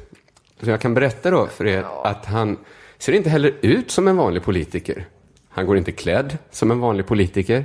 Ställer man upp honom bland andra politiker så sticker han ut. Vem är alternativ här? Ja, men det är väl han med den jätte, jätteslappa t-shirten. Jag känner många jätteslappa människor. Ingen av dem har en så slapp t-shirt som Thomas Bengtsson.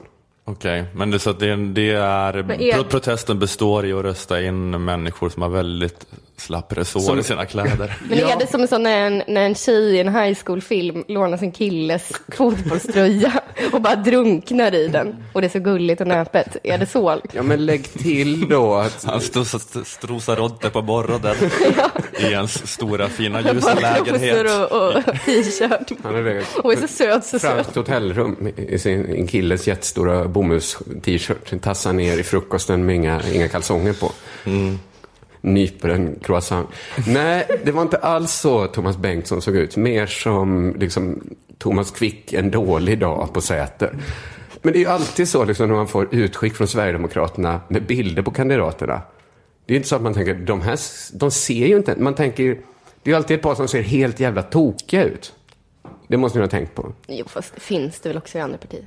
Men inte i den utsträckningen. Det ser ut som sådana bilder Jag försöker bara vara lite... från kliniker där institutionaliserade människor, alltså som kanske ett gammalt hospital i Nordnorge 1934. Helt isolerat från omvärlden. Dit skickar man en fotograf, knäpper ett par bilder. Den typen av porträttbilder brukar vara i SDs utskick.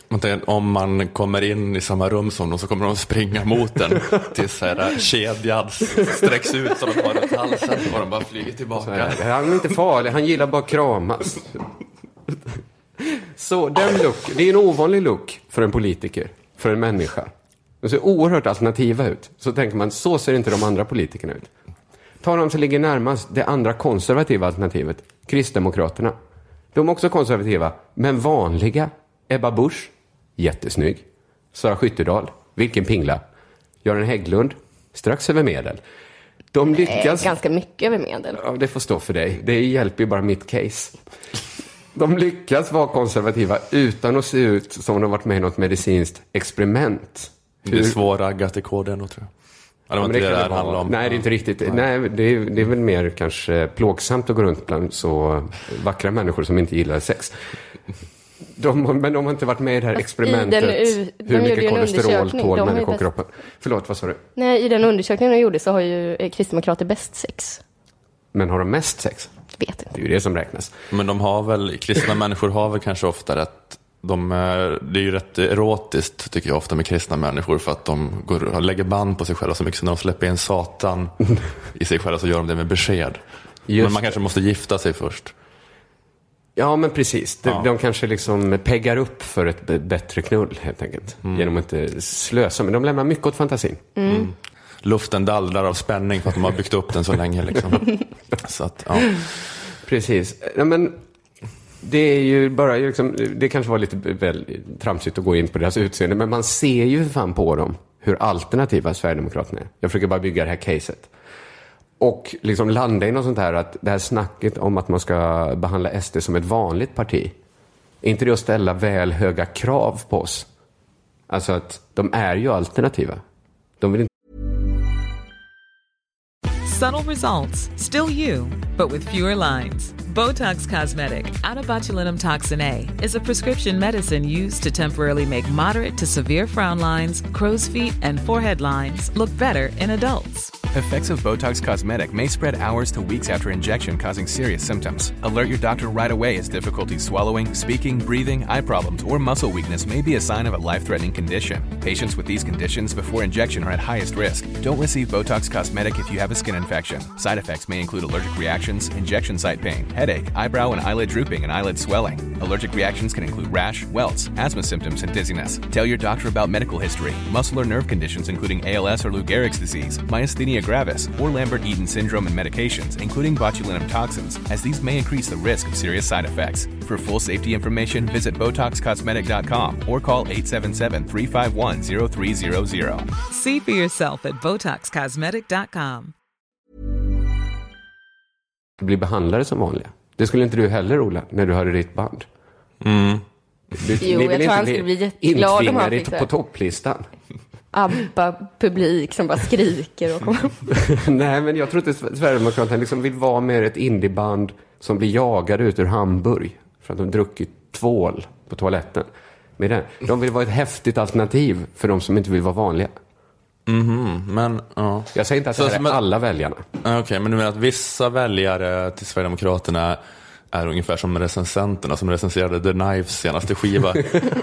Alla gav den fem av fem, ingen hörde en minut på den efter det. Nej, exakt så.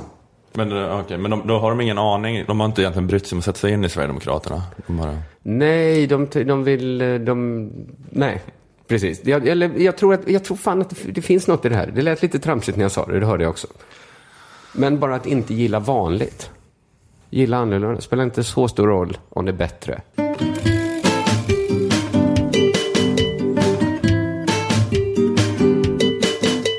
Förra veckan, eh, Lilla Drevet sändes, då var inte jag med. Det tänkte Nej. ni kanske på. Det var lugnt och skönt. Ja, och det blev ett jättebra program och allt sådär. Eh, för jag lyssnade ju såklart. Och reagerade. Oj. På dig Nanna. På din lika vidriga som subtila härskarteknik. Mhm. Ni minns kanske då att Nanna pratar om vår kulturminister Alice Bah Kuhnke. Just det. Det uttalas ju så. Bah Kuhnke. Uttalas det inte ba? Ba Jag, jag tror alla säger fel nästan. men jag Ja, det ska inte jag säga. Eh, Nej, just kritiken, vi bara väntar lite här. Är det att jag har ett sladdrigt uttal? alltså? Kritiken mot henne går ju, har ju varit så här att antingen har man avfärdat henne, antingen för att hon varit programledare för Disneyklubben, eller som blivit förminskad till sin hudfärg, sitt kön. Folk har inte riktigt sett henne som en riktig minister. Vi kan lyssna på hur Nanna uttalar Ba Kuhnke. Kultur och demokratiministern Alice Bah Kuhnke. Alice Bakunke. Alice Bakunke. Men det är ju att jag lägger betoningen på Kuhnke för det är så roligt. Nej, det säger efternamn. Bakunke. Vi kan lyssna igen. Alice Bah Kuhnke ingenting kan. Bah Kuhnke som någon slags ballongdjur. Om Bah Kuhnke varit 100% gjuten. Alice Bah Kuhnke är lite dålig. Bah Kuhnke skulle snacka skit om muslimer. Du tycker inte du säger Bakunke? Nå- På några av dem. Mm. Det låter ju inte som en kulturminister, Bakunke. Det låter ju som någon Till skillnad comic relief. I Lejonkungen. Någon självgod pungrotta som är lite klumpig och fumlig men med ett hjärta av guld. Timon, Pumba och Bakunke. Alla djuren badar i en lagun. Så kommer Bakunke och gör bomben. Åh, Bakunke! Eh, ja, Nanna, hon har gjort Disneyklubben. Hon har lite mörkare hudfärg, Nanna. Absolut. Men att hon skulle vara ett tecknat djungeldjur med lappade snickarbyxor. Det är väl att ta i!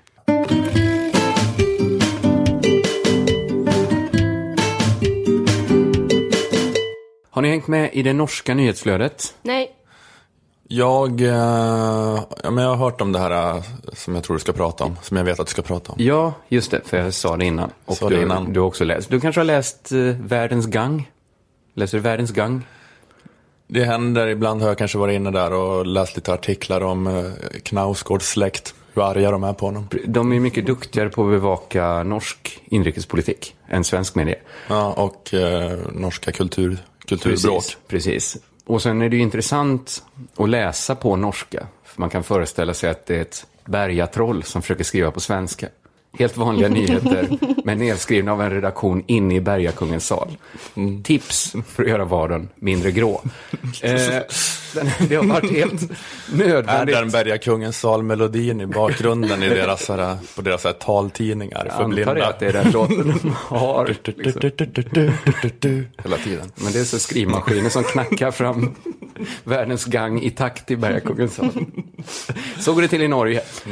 Eh, det går också till så att eh, Dalai Lama är på besök i Norge. As we speak. Han är där just nu. För mm. att fira, jag vet inte om fira är det. Han är där för att markera. Markera att vad? Att det är 25 år sedan han fick Nobels fredspris. Ett pris som man kan få då om man antingen gjort eh, stora insatser för en fredligare värld eller inte gjort ett skit. Eh, det är så de urvals, urvalet ser ut. Eller om man har liksom bombat ihjäl en halv miljon bönder i Kambodja. Ja, precis. Och man har gjort minus, det liksom, som liksom... Kissinger gjorde. Ja, det gick ja, också. Ja, det går också. Det är lite så här, det är svårt, det är svårt. Det är svårt att inte få Nobels fredspris. skapa fred, skapa krig, gör ingenting. Det är svårt att spela på Nobels fredspris. Mm. Att det liksom alla har samma odds. Alla substantiv har samma odds. Just. Är man ett substantiv kan man få Nobels fredspris. 2010 gick priset till Louis Chibao, tror jag det uttalas. Mm. Ledsen om jag uttalar fel, men jag, så är det. Eh, Li Chibao fick i alla fall eh, priset för sin långa kamp för mänskliga rättigheter i Kina. Och då hotade Kina alla europeiska regimer som skickade representanter till Oslo att det här kommer få konsekvenser. Mm. Det är hårt. Eh, och mm. värst konsekvenser fick det såklart för Norge. Eftersom mm. det var de som gav han priset. Så sen dess så är det ganska kyligt mellan Norge och Kina. Men har de infört någon slags handelsblockad eller sånt där eller? Ja, alltså de pratar inte alls. Pratar inte, Men har de inte. haft så en eh, BFF-relation? Men har inte alla kapitalistiska länder en BFF-relation med Kina? Får inte Norge liksom importera kinesiska produkter längre? Eller? Eh, det är möjligt att de får, men Kina är ju framförallt eh, så, så är det väl en stor marknad man vill ja, sälja till. Och kanske köpa då deras arbetskraft det är liksom, eh, ja men det är både ekonomiskt och politiskt. Politiskt kanske de inte hade något superutbyte. Eller jag vet inte riktigt, Kina, Norge. Eh, men det är väl det här då, det ekonomiska, som Norge gärna skulle vilja ändra på. För Kina är ju en härlig laxmarknad. Tänk er en miljard kineser som tar stora tuggor av norsk odlad lax. Mm. Fiskfettet glänser på deras lyckliga hakor. Det är ingen tråkig bild. Det är ingen tråkig bild. Nej. Du skulle kunna få Nobels fredspris bara för den bilden. Det tror jag. Den bilden av försoning. Jag skulle också kunna fått den om jag inte hade målat upp den bilden. eh, men den här lyckliga bilden har alla i Norge framför ögonen. Och därför vill ingen i Norges högerregering träffa Dalai Lama nu. Eftersom han är ju alltid på lite... Men är det, är det de som har bjudit in honom? Eller är det jag Nobel... Jag tror att han kanske bjudit in sig själv. Alltså att det är så... Han vill bara åka och malla sig. Jag fick fredspriset för Det är lite hans jobb är väl att åka runt. Gnugga näsa med Malou von Sivers. Ja, ungefär så. Ja, men han, han åker väl runt och säger snälla saker.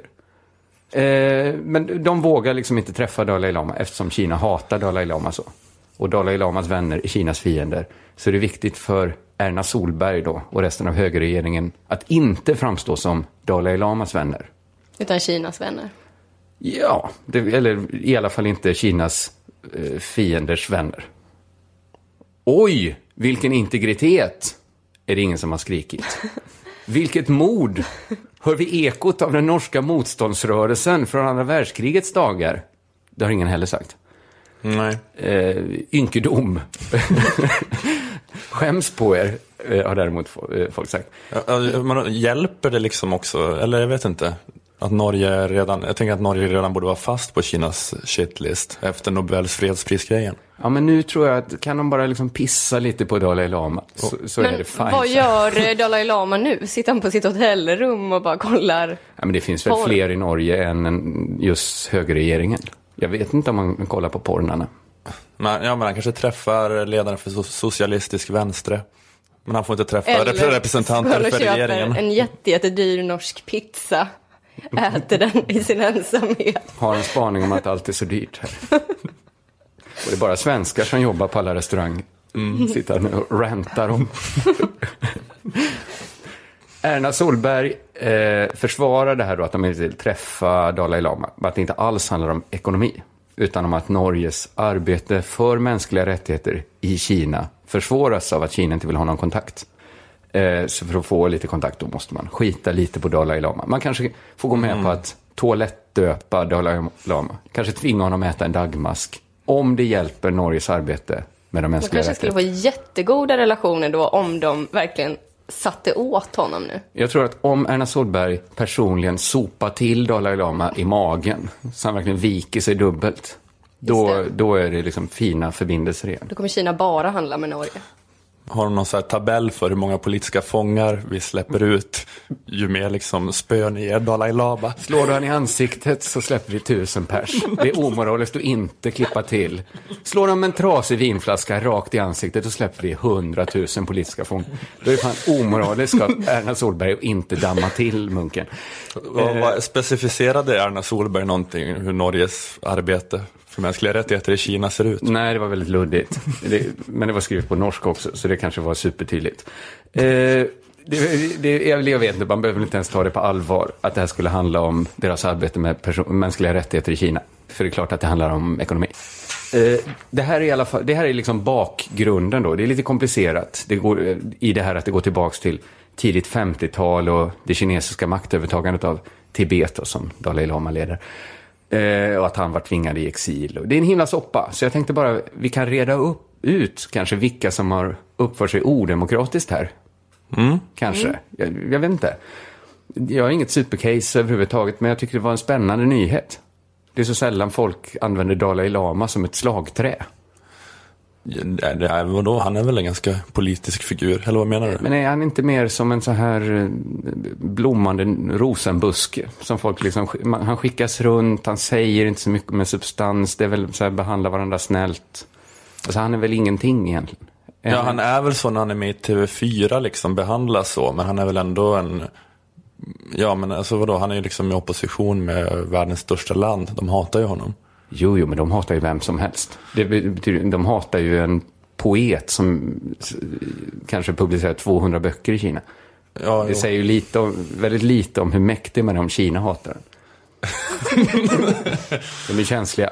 Men, ja, men han är ju ändå liksom en figur som är... Eh, alltså man, man kan ju tycka att de har ju rätt Eh, det var ju fel att göra mot Tibet det Kina har gjort. De har gjort fel när de invaderar, tar över, inför kulturrevolution, Absolut. mördar massa människor. Det skulle varit en, en teokrati fortfarande. Ja men det är ju det som också är grejen, att man tycker inte att da, Dalai Lama är inte, det här lama-systemet som var det i flera hundra år var inte supercleant heller.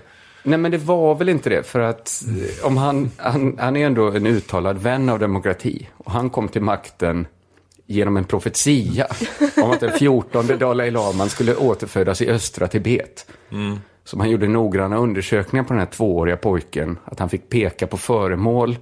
Och han lyckades peka ut föremål som hade tillhört den 13 Dalai Laman. Mm. Och sen hade han vissa fysiska kännetecken som gjorde att han, man förstod att han var en inkarnation av Dalai Lama. Och Spännande process. Ja, och inga sätt att utse en ledare är ju dåliga. Men det här är inte klassisk demokrati. Nej. Nej, nej, men han har väl kanske... Det har varit så i det gamla Tibet att den här Dalai Lama var någon slags envåldshärskare. Men den här laman vi har nu verkar ju då vara beredd att bli som våran kung kanske lite mer, eller? Ta ett steg tillbaks, ja. Jo, fast han är ju inte med. Kungen går ju inte ut och säger att han hatar bögar och abort. Kungen, kungens tal efter tsunamin var ju inte skyller själva. Så var ju inte kungens tal. sodomiter. Jag menar, mm. Dalai Lama är ju inte... Han ser ut som en ashärlig människa. Och han klär sig som en ganska härlig människa. Men han är ju ingen ashärlig människa. Det kunde kanske Norges högerpolitiker sagt istället om de nu bara ville slippa träffa honom. Varför ska vi träffa den här munken som verkar tråkig. inte särskilt soft och lite tråkig. Men Sen kan man såklart... Han, han har ju så många sköna i ryggen. Richard, Richard Gere, Honey Beastie Boys, Claes Malmberg. ja, det är en himla bra fråga att engagera sig. Tibet. Ja, men, ja, men i och för sig så är väl, det är väl jag, jag är väl också för att Kina ska ut i Tibet. Rasist. Nej, skojar bara. Jag är väl också för då, jag vet inte. Vi är inte för att någon ska, bara för att man pekade på vissa föremål när man var två år, att man ska leda ett land för Jag tycker vi också ska ha det systemet. Att Fredrik Reinfeldt hade behövt peka ut Göran Perssons gamla kostymer. Kanske lukta på dem. Man pekade ut hans gamla valaffischer. Boom. Eh, Åh, vad trött. Sen finns det ytterligare aktör, det är inte bara Dalai Lama, det är också Kina. Det är kanske ett osoft sätt de har att pressa på andra länder så här. De är ju en diktatur. Men även om de är en diktatur så är ju deras sätt att pressa Norge, det är ju ändå demokratiskt. För Kina får väl kommunicera och göra affärer med vilka de vill. Det är väl liksom inte Kinas fel att Norge och massa andra länder gjort sig beroende av en diktaturs godtycke. De är kanske demokratiska mot Norge, men inte mot inte mot Dalai, Dalai Lama. Lama. Nej. Det, det, måste ju vara klassas som mobbning när en miljard människor går emot en. Eh, nej, men jag tycker liksom att Kina följer ju, även om de är en diktatur, så följer de ju liksom det demokratiska regelverket. Det är ju Norges kanske vekhet och alla andra länder som godkänner vekheten som, som tillåter att det får antidemokratiska konsekvenser. Alltså det är kanske anti Men vadå, hur följer de det demokratiska regelverket? Att, det är väl ingen fel att säga så här, vi vill inte handla med Norge. De har väl ingen så här skyldighet mm. att handla med alla länder som vill handla med dem. Nej, okej. Okay, okay, Det måste väl ändå vara tillåtet.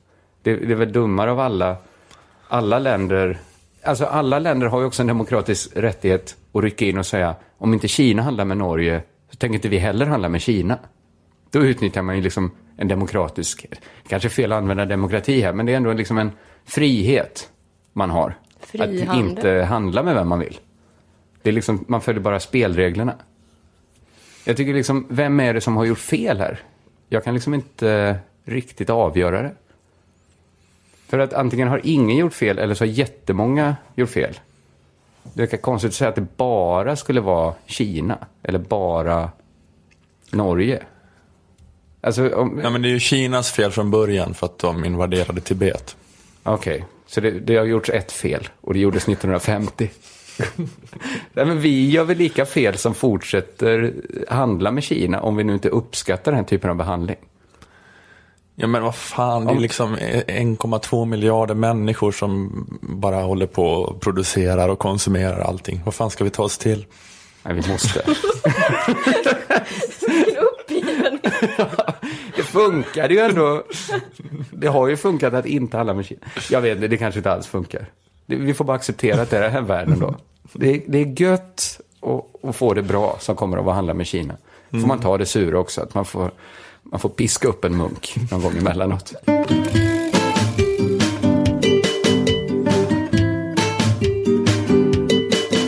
Som sades inledningsvis så har det ju varit partiledardebatt. Mm. Eh, och efter det brukar ju alltid tidningarna be någon expert, någon statsvetare eller retorikexpert eller Camilla Thulin eller Markoolio uttala sig om hur de klarar sig, partiledarna. Just det. Jag tänkte vi skulle göra en eh, likadan grej här i Lilla Drevet. Vad kul. Ja, men ska, kanske. Ska du gå igenom alla, sätta plus och minus? Ja, men jag sätter inte, vi har inte det betygssystemet riktigt. Nej. Men för vi såg ju debatten ihop, Ola.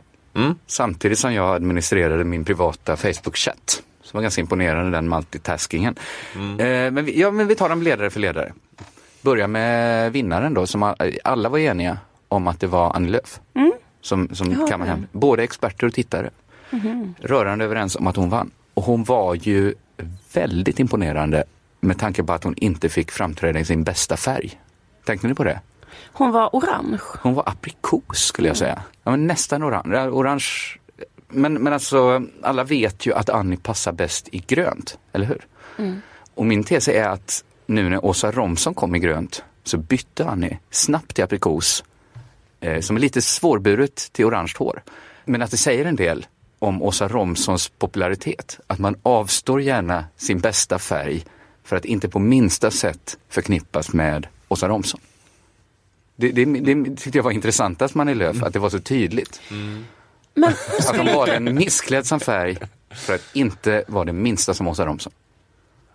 De har så jävla mycket möjlighet nu att hålla på och färgkoordinera och så, eftersom det är tre ja. kvinnor i Alliansen. Nu var det ju en eh, man här som Ebba Busch Thor mm. födde ett barn under tiden. Precis. Och Hashtag baby Busch Thor. Är det så? Mm. Hon la upp en uh, bild på Twitter så nu kom den här. Uh, och hon hashtaggade själv? Ja, så lanserade hon hashtaggen då. Hashtag Gud, vilket baby Busch Thor. unket Niklas Svensson beteende.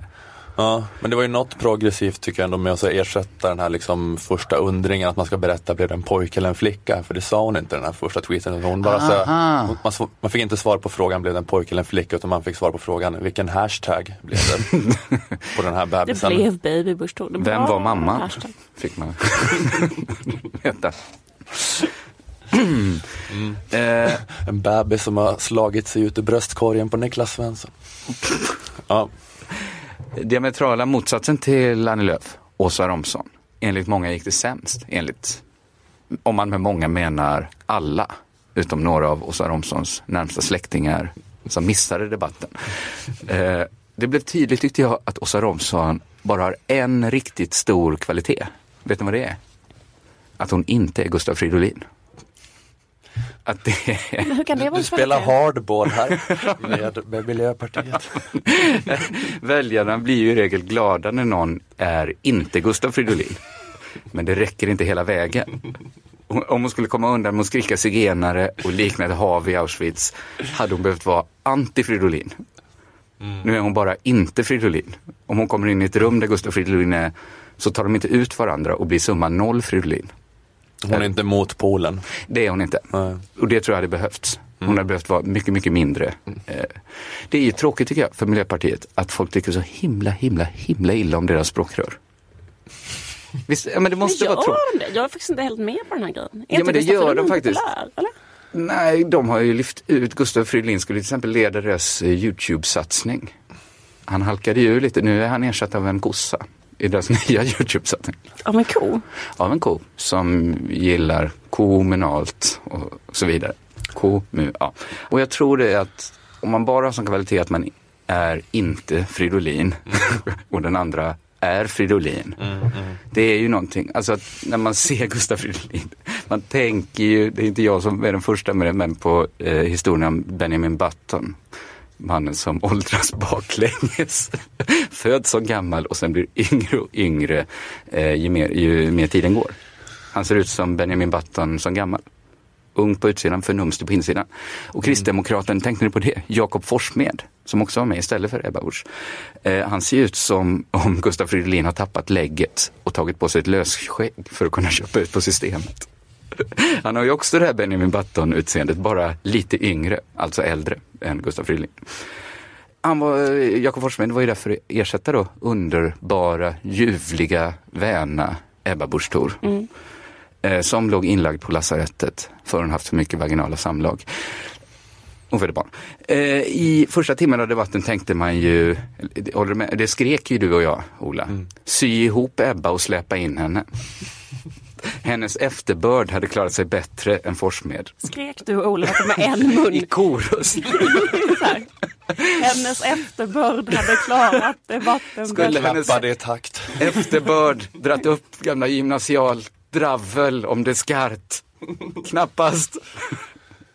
Ja, just det. Eh, men sen tyckte han hämta upp det. Eller hur? Andra timmen. Det var inget fel. Sätt ett lösskägg på Ebba Busch Thors moderkaka. och folk bara, gud, har du börjat träna?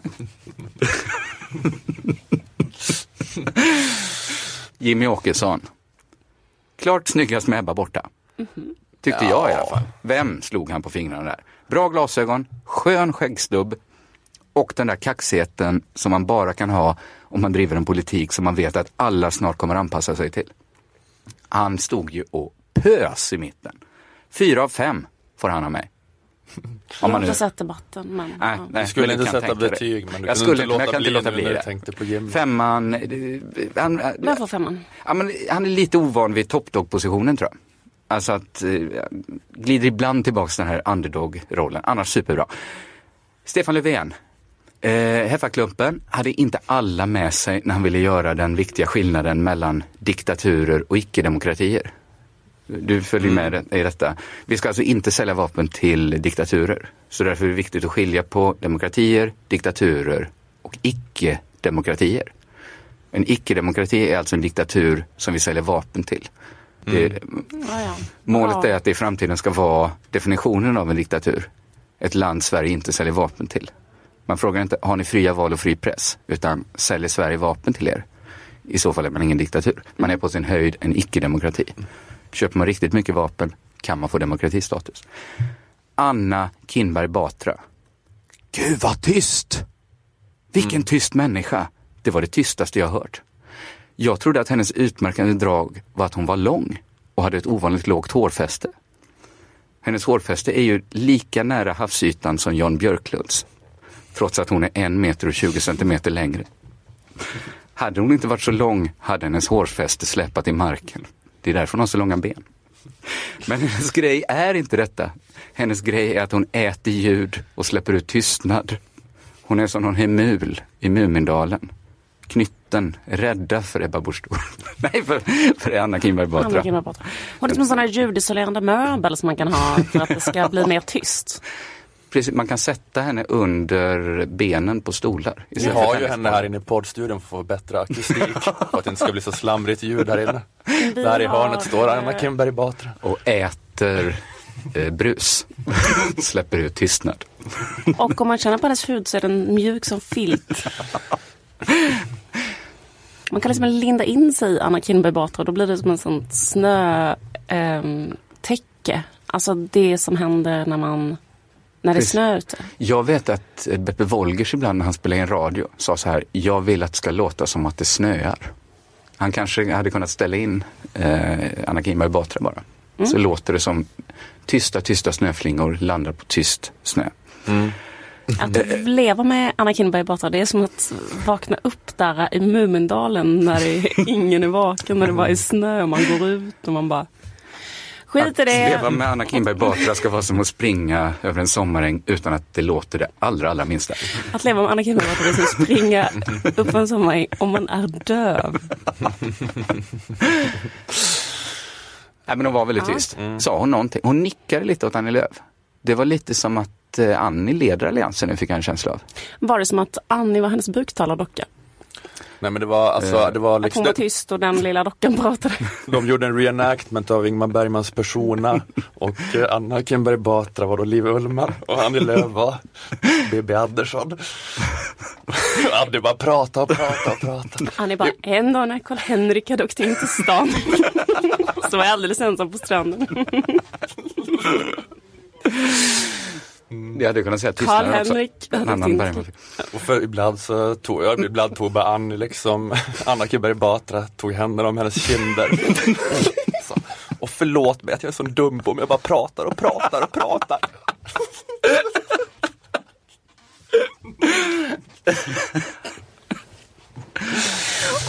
Mycket du måste tyst. Du måste ju tycka att jag du måste ju tycka att jag, du måste bli så riktigt uttråkad Du måste tycka att jag är en riktig liten dumsnut som bara...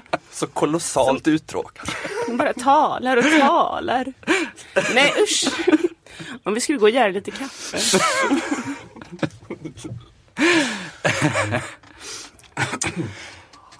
ja, en, en tyst människa Annika är hon. bara stirra på honom på sånt psykosexuellt sätt. det finns en sån jävla konstig erotisk underton. Fast hon är bara helt tyst och bara stirrar på henne. Så bara. Ja.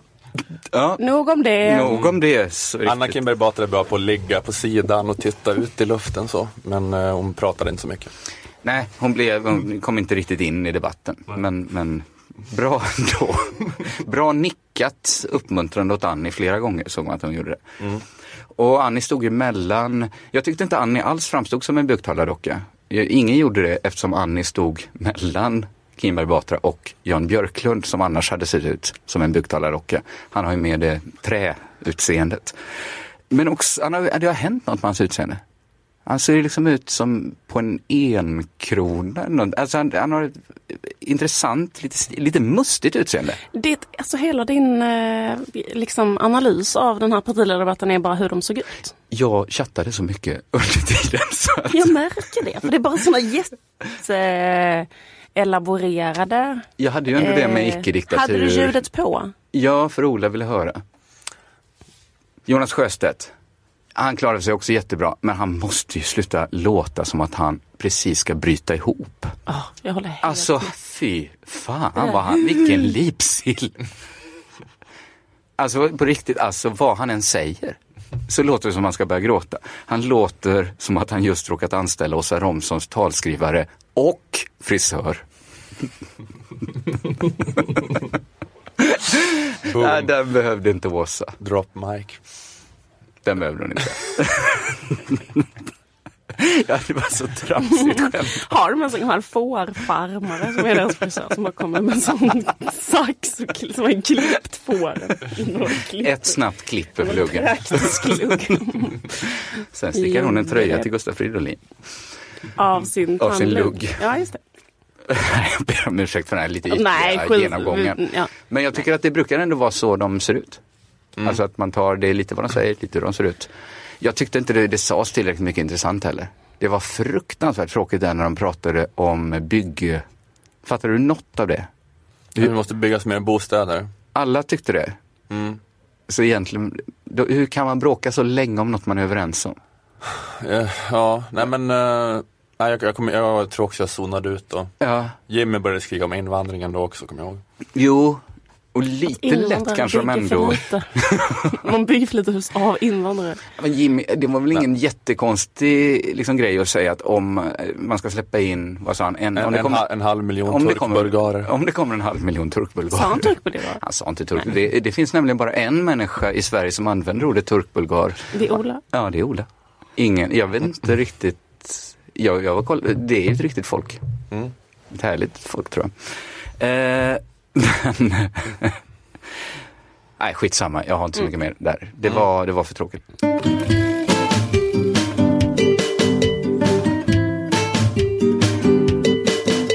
Eh, nu var det i alla fall eh, Stefan Löfvens tur att rimma.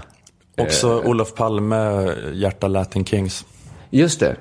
Där var det mer hiphoparna som älskade Palme. Han var ju inte så Ja. latin-fans riktigt. Ja, just det. Men, det är i alla fall, det, men- det är en, det är en o, oerhört stark spaning det här med sosse, Sossar hiphop. och hiphop, ja. Det finns eh, fler än tre exempel. Ja, men precis. Och det, jag tror det är i det ljuset vi ska eh, förstå Stefan Löfvens rimmade telegram till Rättviseförmedlingen. Som inleds. Sverige är kanske världens mest jämlika land, men det bygger på att så många är så kassa. Det blir som en droppe vatten, kallar sig för ocean i ökensand. Bara för att den råkar ha störst massa. Ja, det är lite... Det är poetiska utflykter som, som man kan tillåta sig inom rappen. Va? Eh, För att den har störst massa. Droppen har större massa än sanden. Jag, jag, jag är inte så kemist. Eh, nu börjar jag läsa här, men jag kände att jag gjorde inte riktigt texten rättvisa. Så jag bad Malmö-rapparen Kalahari Svensson spela in den. Du känner Mm. till Kalahari kanske? Nej, det är en ny bekantskap Ja. för mig. Eh, han är en sån här klassisk Malmö-rappare. Rappar om så här falafel och, och liksom gå, vara på Möllan och hänga runt. Och så. Eh, så jag tänkte, det är så här Stefan Löfvens telegram till Rättviseförmedlingen är tänkt att låta Malmö-rapparen Kalahari. I ditt öra. Telegram till Rättviseförmedlingen på deras femårsdag den första mars 2015. Uh, uh. Sverige är kanske världens mest jämlika land, men det bygger ju på att så många andra är så kassa. Det blir som en droppe vatten, kallar sig för ocean i ökensand, bara för att den råkar ha störst massa. Nej, vårt samhälle håller fortfarande så många människor tillbaka. Diskrimineringen och osynliggörandet är en skam och ett hån. Därför gläds jag åt att ni är med och gör det enda raka och arbetar för lika rätt oavsett om du är eller var du kommer ifrån. Och nu sprids ut till England, Italien, USA, snart kanske ännu längre bort. Det är en utveckling som är otroligt bra, inte minst för att jag gillar export. Så kära vänner, var stolta men inte nöjda över resultatet. Jag önskar er lycka i den fortsatta succén. Länge leve rättviseförmedlingen, ner med patriarkatet med vänliga hälsningar. Stefan Löfven. Stefan Löfven. Stefan Löfven. Eh, Malmö-rapparen Kalahari alltså, som bevisar att sossarna plus sossarna, hjärta, hiphop, lika med sant.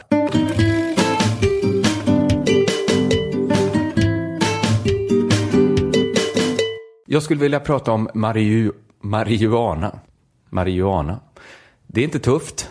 Jag önskar att det vore tufft, men det blir nästan... Varför har du då en t-shirt med ett sånt cannabisblad på sig?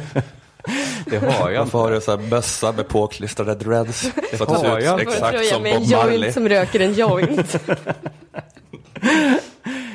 Jag, jag tar det här, den här raljansen, eh, inte för att det är mina kläder, utan för att ni bevisar min tes på ett utsökt sätt. Att det alltid blir töntigt när folk pratar om marijuana. Eh, när Filip och Fredrik äter en hash brownie i tv och blir flamsiga så känner man att det är töntarna som både skrattar och förfasas. Mm. Eh, alltså det, det är töntigt att gå hem och skola on their asses. Men det är också lite töntigt att tycka att det är en häftig grej.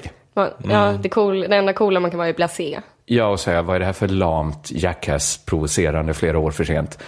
Det är inte så coolt att ha en åsikt om Filip och Fredriks marijuana-bruk. För det verkar vara under kontroll. När man hör att de ska vara höga i en amerikansk podd så tänker man inte hoppas det här inte leder till tyngre missbruk. Hoppas de inte börjar skjuta heroin på Instagram nu. eh, men jag tycker folk ska Jag skulle ha... tycka det var jättespännande om de provar heroin. Ja, det är nästa. Det kan vi väl tipsa om. Eh, Hoppas jag... de inte blir utsatta för trafficking av en rumänsk farbror snart för att finansiera sitt heroinmissbruk. Ja. Eh, det skulle de säkert tycka var innehåll. Eh, jag tycker i alla fall att de, de och andra ska ha cred för att de försöker. För väldigt få människor med eh, kulturellt kapital vill vara den där killen som driver ett drog, drogliberalt case. Det är någonting med drogliberaler som man inte gillar, fast man är det själv. Lång brasklapp här för att, för att det ska kunna komma in och vara den killen. Brasklappen fortsätter. Jag ser nämligen hur... Det växer på marken, det är naturligt. Titta, titta, titta, Det är titta, titta, naturligt. titta på fan när han borstar sin Hur gris. kan det vara olagligt, något som är naturligt? Jag ser... Hej, hej, jag heter Krigland. Det är K. naturligt, Svensson, det växer K. på marken. ska det vara. Jag ser hur snygga tjejer som Nanna och Ola börjar himla med ögonen så fort någon kille börjar prata legalisering. Det är en töntig åsikt att komma dragandes med till en fest. Som att komma i den här tröjan med ett stort han nyttigare än potatis. titta, titta, titta, titta, titta. Den här tröjan har han köpt i Christiania. Så är det ingen på någon trivsam middag som tycker han verkar spännande. Jag vill lyssna på vad han har att säga. Är det där ett statement, din t-shirt? Är du för en mindre restriktiv narkotikapolitik? Det var en tant i Kalifornien vars cancer botades och rökte på. Men fortsätt, ge mig mer case, Ola. Bara gör det, bara gör det. Det är sådana som ni som gör att Aron Flam måste ligga med så unga tjejer. För det är de enda som står ut med att höra om hur viktigt det är att alla får ta droger. Nu är vi inne på smala referenser. Breda referens. Hiphop-duon far och son är tvungna att ha 13-årsgräns på sina konserter. Tur för dem att det rimmar så bra med deras hebefila böjelse. Deras legaliseringskampanj. Eh, det finns något, skojar bara såklart. Det finns något snubbigt över legaliseringsdebatten som gör att eh, det blir en debatt vi aldrig riktigt har på riktigt. Massor av offentliga människor eh, avstår debatten trots att de röker hasch. För det kan väl hiphop-killarna syssla med, tycker man. Och det här tycker jag är tråkigt. För jag tänker att det måste gå att tala om marijuana utan att det blir töntigt. Jag känner hur jag nu, medan Mm. jag säger ordet marijuana, blir lite töntigare. Eh, Men jag tar den smällen. Nu är brasklappen slut. Nu kör vi. Bra braskat, va? Mm. Det finns, eh, ett, ett undantag är eh, Magnus Linton. Han Om tycker den- kokain? Ja, lite, lite droger i allmänhet. Mm. Jag tror han sagt att cannabis borde legaliseras också. Att han känns bara, men att han är en sån, eh, Han är verkligen inte så drogig. nej precis, han är mer så, och... ja, så påläst eh, socialist men som är liberal i rätt frågor och har varit, det har hört att han har varit i Mexiko och undersökt alla knarkkrig och sådär. Så han har så mycket på fötterna. Jag läste Så- hans bok. Jag läste Eh, också hans bok om kokain i Colombia. Väldigt, det kan vi väl rekommendera Mm. folk att läsa. Det är, det är ett ganska kraftfullt angrepp mot eh, war on drugs. Eh, skit i det. Vi ska tala om marijuana nu. Det finns människor i Sverige som röker väldigt mycket cannabis. som identifierar sig som gräsrökare, som trivs bäst när han eller hon är i det statet. Det är en slags livsstil. Ja, men det får man säga. När man pratar om legalisering så lyfter alltid drogförespråkarna fram helt skötsamma småborgerliga människor som delar på en joint en vanlig tisdagskväll. Ungefär som ett par kan dela på en flaska vin och känna sig lite busiga en helt vanlig tisdagskväll utan att bli råalkade för det. Men det är ju inte de människorna som staten, the man, oroar sig för. En majoritet av Sveriges politiker ogillar de som har gräs som livsstil. De som är höga mest hela tiden. Som trivs och identifierar sig med den lunken. Det är en bespottad livsstil. Ja, det är det ju. Folk hävdar att folk med den livsstilen är lata, inte kommer på några bra idéer, eh, eller inga idéer som är bra på riktigt. Tjatiga. Ett patrask. Ett riktigt patrask. Eh, det är ju om de här människorna debatten handlar om. När SVT gör ett skrämmande reportage från Colorado så intervjuar de en kille som röker hela, hela tiden. Han rullar upp ett bakplåtspapper med gräs, två och ett halvt kilo, för att få upp aptiten innan frukost. Det är motståndarsidans argument. Vi får fler potheads. Då borde man inte säga, men de flesta förblir lydiga samhällsmedborgare, samhällsmedborgare som delar en joint om tisdagskvällarna. Du menar man ska försvara den gruppen Man ska säga, vad fan har du emot potheads? Talar om romer på det sättet? Vi kan inte ändra den här lagen, för då får vi fler romer. Men pottet är så jobbiga. Det tycker folk att romska tiggare också är. Inte våra lyssnare såklart. Men andra poddars lyssnare tycker romerna som sitter och tigger är pissjobbiga. Eh, man kan inte lagstifta, det har vi sagt tidigare, man kan inte lagstifta bort jobbiga människor. Eh, man kan inte låta hatet segra. Alla måste få finnas, även potheads. Det är så man borde svara när motståndarsidan eh, visar upp den här killen som röker ett bakplåtspapper joint. Ja, men du menar att det skulle vara effektivare? För, för man tänker ju att eh, det mera logiska försvarslinjen skulle säga att men det här är som att du visar upp eh, en som är full varje dag Mm. i en alkoholdebatt. Det är det du gör nu när du visar upp den här han som röker på till Mm. frukost, lunch och middag. Precis. Jag tycker inte riktigt Du- du att tycker- man måste jämföra alkohol. Och eh, jag tycker detta är ett annat sätt att bemöta det argumentet på. Som du tror är bättre än det Som jag just tror sa. att det är mer närmare kärnan om vad legaliseringsfrågan handlar om. Alla Mm. skiter i paret som delar en joint om tisdagskvällen. Frågan är om vårt samhälle kan tänka sig att acceptera potheads. Jag vet inte om jag skulle vilja ha en tandläkare Nej. som var det. På sin fritid. Han skulle inte vara det på jobbet såklart. Hur många Jag vill inte ha hans dreads ser... Hur många, titta, titta. Hur många är som Nanna och ser ner på den här livsstilen? Som det är nu är ju Jag potheads... är trångsynt. Det är ett fördrivet folk du är emot. Man kan få sparken från sitt jobb om man har den här livsstilen. Det aktualiserades ju av eh, SVTs senaste haveri, som ni säkert läst om. När de då tvingade en stackare att drogtesta sig baserat på ett löst rykte. Men jag har ingenting emot handlingen. Handlingen, Att röka. nej, det har du inte. Men vad, vad är då din kritik? Eller varför har du ens öppnat din mun? Det är ingen som har haft någon annan åsikt i det här rummet. Poängen är att SVT aldrig skulle fråga sig, gjorde den drogen som vi misstänker att hon tagit henne sämre på sitt jobb? De frågar bara, kan hon på något vis ha samröre med den vidriga folkgrupp som vi har i det här landet som tar droger? Därför är det synd att svenska kändisar och andra offentliga personer inte står för sitt cannabisbruk. Eftersom det är så vanligt. Men då måste det vara någon som står för att den är en pothead. Alltså den här kvinnan kanske var en sån som tog en joint en kväll i veckan med sin eh, man. Ja, nu blir det mindre stringent. Jag tycker ju att båda ska få finnas. Alltså, men, men det är ju samröret med själva livsstilen. Det är ju den man är rädd för, att den skulle bli större.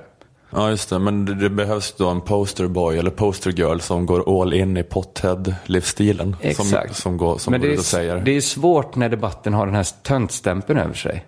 Så fort man går ut och säger att man är drogliberal, då säger folk, jaha, ja nu gillar väl pundarna på Flashback Day. När du säger sådana saker. Ja, det kanske de gör. Är de inte värda någonting? Vad är det för vidrig människosyn? eh, kan, varför skulle inte Pottets kunna ha något att komma med? Ja, det kan de väl ha. Det här manuset skrev jag när jag var hög, som ett experiment. Det förklaras. Och det var väl ändå ett ganska bra manus. Det är ett argument för att folk som röker gräs inte måste bli sämre människor. Kan fortfarande göra en ganska bra Lilla Drevet-prata. 20-30 procent mindre stringenta, men inte, Ja, men ändå inte jättedåliga härligt. människor. Nej. Eh, vi spelar in det här en onsdag och på fredag kommer jag gå till Sveriges Radio och göra ett program som jag gör där. Eh, då kommer jag ha rester kvar i kroppen efter eh, det här manusskrivandet som kommer synas om SR tvingar mig att göra ett drogtest. Men det kommer ju inte påverka mitt framträdande i radio, det allra minsta. Så jag tycker det ska bli intressant att se om SVT och SR har samma krav på sina medarbetare. Drogtestar SR eh, sina anställda också? För i så fall blir det inte många kvar på P3, tänker jag. Eller P2. Har ni hört den Hela- flummiga musiken? Fy fan. Har ni hört Radioteatern? Jag tänk om de skulle testa om de hade så här opiater i blodet på Radioteatern. det är så mycket bens. De, de går runt helt svullna i ansiktet. Nej, det gör Men de de har nog recept på allting. Absolut. Jag tänker i alla fall inte göra något eh, drogtest. Om någon ska straffa mig så föredrar jag att rättssamhället gör det. Jag är inte hög i radio, jag tar inte ställning i legaliseringsfrågan när jag hörs i radio. Jag skiter i vad SRs chefer gör på sin fritid. Och då förväntar jag mig att de skiter i vad jag gör på min. Ja. Så tänker jag att det är kanske så man måste göra för att ha någon sorts eh, tuffhet i legaliseringsfrågan. Riskera någonting, riskera sitt arbete. Ja, precis. Men det finns väl eh, Alltså det finns väl kanske ändå då en rimlig invändning att det är inte så sunt att vara ett pothead. Det är inte så sunt att röka varje dag hela tiden. Alltså tänker, därför tänker jag att det är något dåligt med att lyfta fram. De det flesta- som ett normalbruk. De flesta blir ju inte potheads, men det är klart att det skulle ju bli... Det får man väl ändå kalkylera med den risken att det skulle bli fler potheads. Mm, O- Om, om det gick att köpa gräs överallt. Det, det hade väl varit konstigt annars. Jag har för mig att jag såg någon så här bild när, när man luckrade upp alkoholmonopolet eller något sånt i Finland. Det såg liksom ut som om de hade släppt ut gas över hela torget. Folk låg helt utslagna. Jag tänkte, det, sånt får det ju också med sig. Men det är ju kostnader som...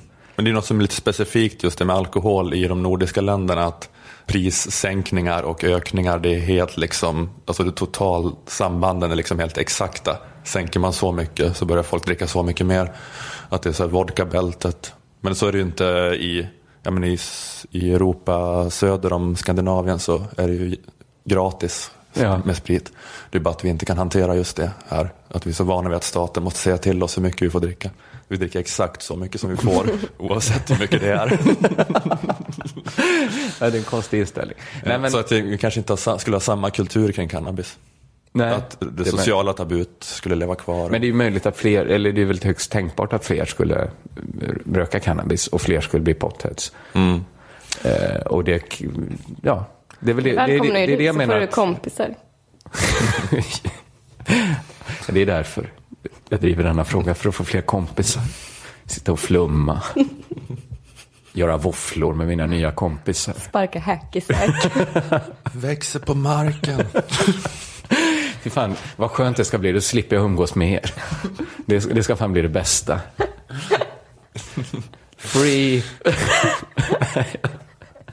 Vara med människor som har lite mer andliga kvaliteter. Exakt. Men det, det finns inte något att man stör sig på folk som vill legalisera så gärna för att man inte fattar hur det kan vara så jävla viktigt. Här, varför måste det vara lagligt? Ja, men jag fattar inte varför eh, romerna måste gå runt med så stora klänningar heller. Varför det är så viktigt för dem.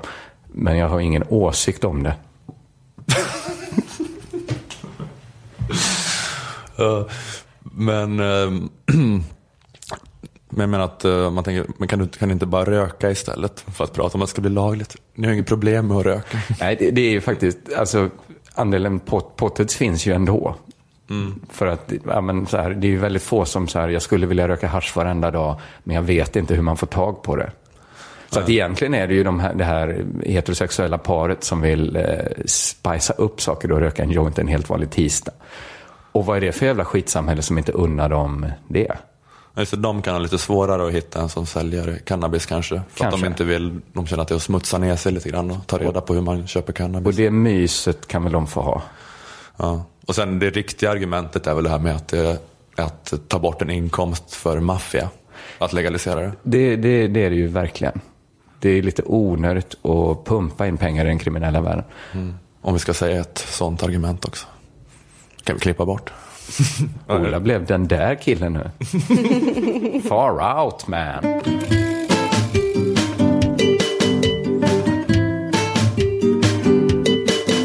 Hörni, eh, vad vet ni om ålen? Fisk. Fisk, ja. Det var en kille i min klass som kallades för det. Gick du i samma klass som Kent och. Stoffe? Det är, ålarna är väl extra feta när det har varit sjöslag. Är det så? För att de äter, eh, Äter de- drunknings... eh, Ja, precis. Jaha, läskigt. När då? När det har varit sjöslag? Ja, men det är precis. Det är inte, men eh, det är något man kanske visste om i, i Polen under andra världskriget. Och idag tydligen, i Lilla Drevet. Ja. Eh, Så om man ser en riktigt fet ål så kan man, kan man kolla radarn en extra gång om det saknas något på den. Då, ja, det var lite härlig info om ålen här. eh, Som vi kan liksom använda som fundament nu när vi går vidare. Vi kan väl enas om att ålen är en helt okej fisk. Varför? Vad har ni emot ålen? Nej, men kan vi bara inte undrar varför vi bara... ska enas med. Jo, men visst, det kan vi väl enas om. Ja, men för jag tycker vi kan väl bara... Så är det något som är obehagligt med den tycker jag också. Men strunt i det. Ja, om den äter lik på det sättet. Ni förstör allt om ni ska vara emot ålen. Okej, vi älskar. Det Men måste har, ni, inte älska. har ni läst Bläcktrumman? Nej. Mm. Det, det är ju världens äckligaste ålscen där, där de fiskar ål med ett, dött, med ett hästhuvud. Så de kör ner hästhuvudet i vattnet, sen så äter sig ålar in i det, sen drar de upp hästhuvud, och så bara flyger ut ålar på stranden. Uh. Men vi älskar ändå ålar. Är det Günter Grass sexfantasi eller är det ett vanligt Ja, sätt precis. att fiska Günther, ål på? Günther Grass eh, kom så jävla hårt när han skrev det.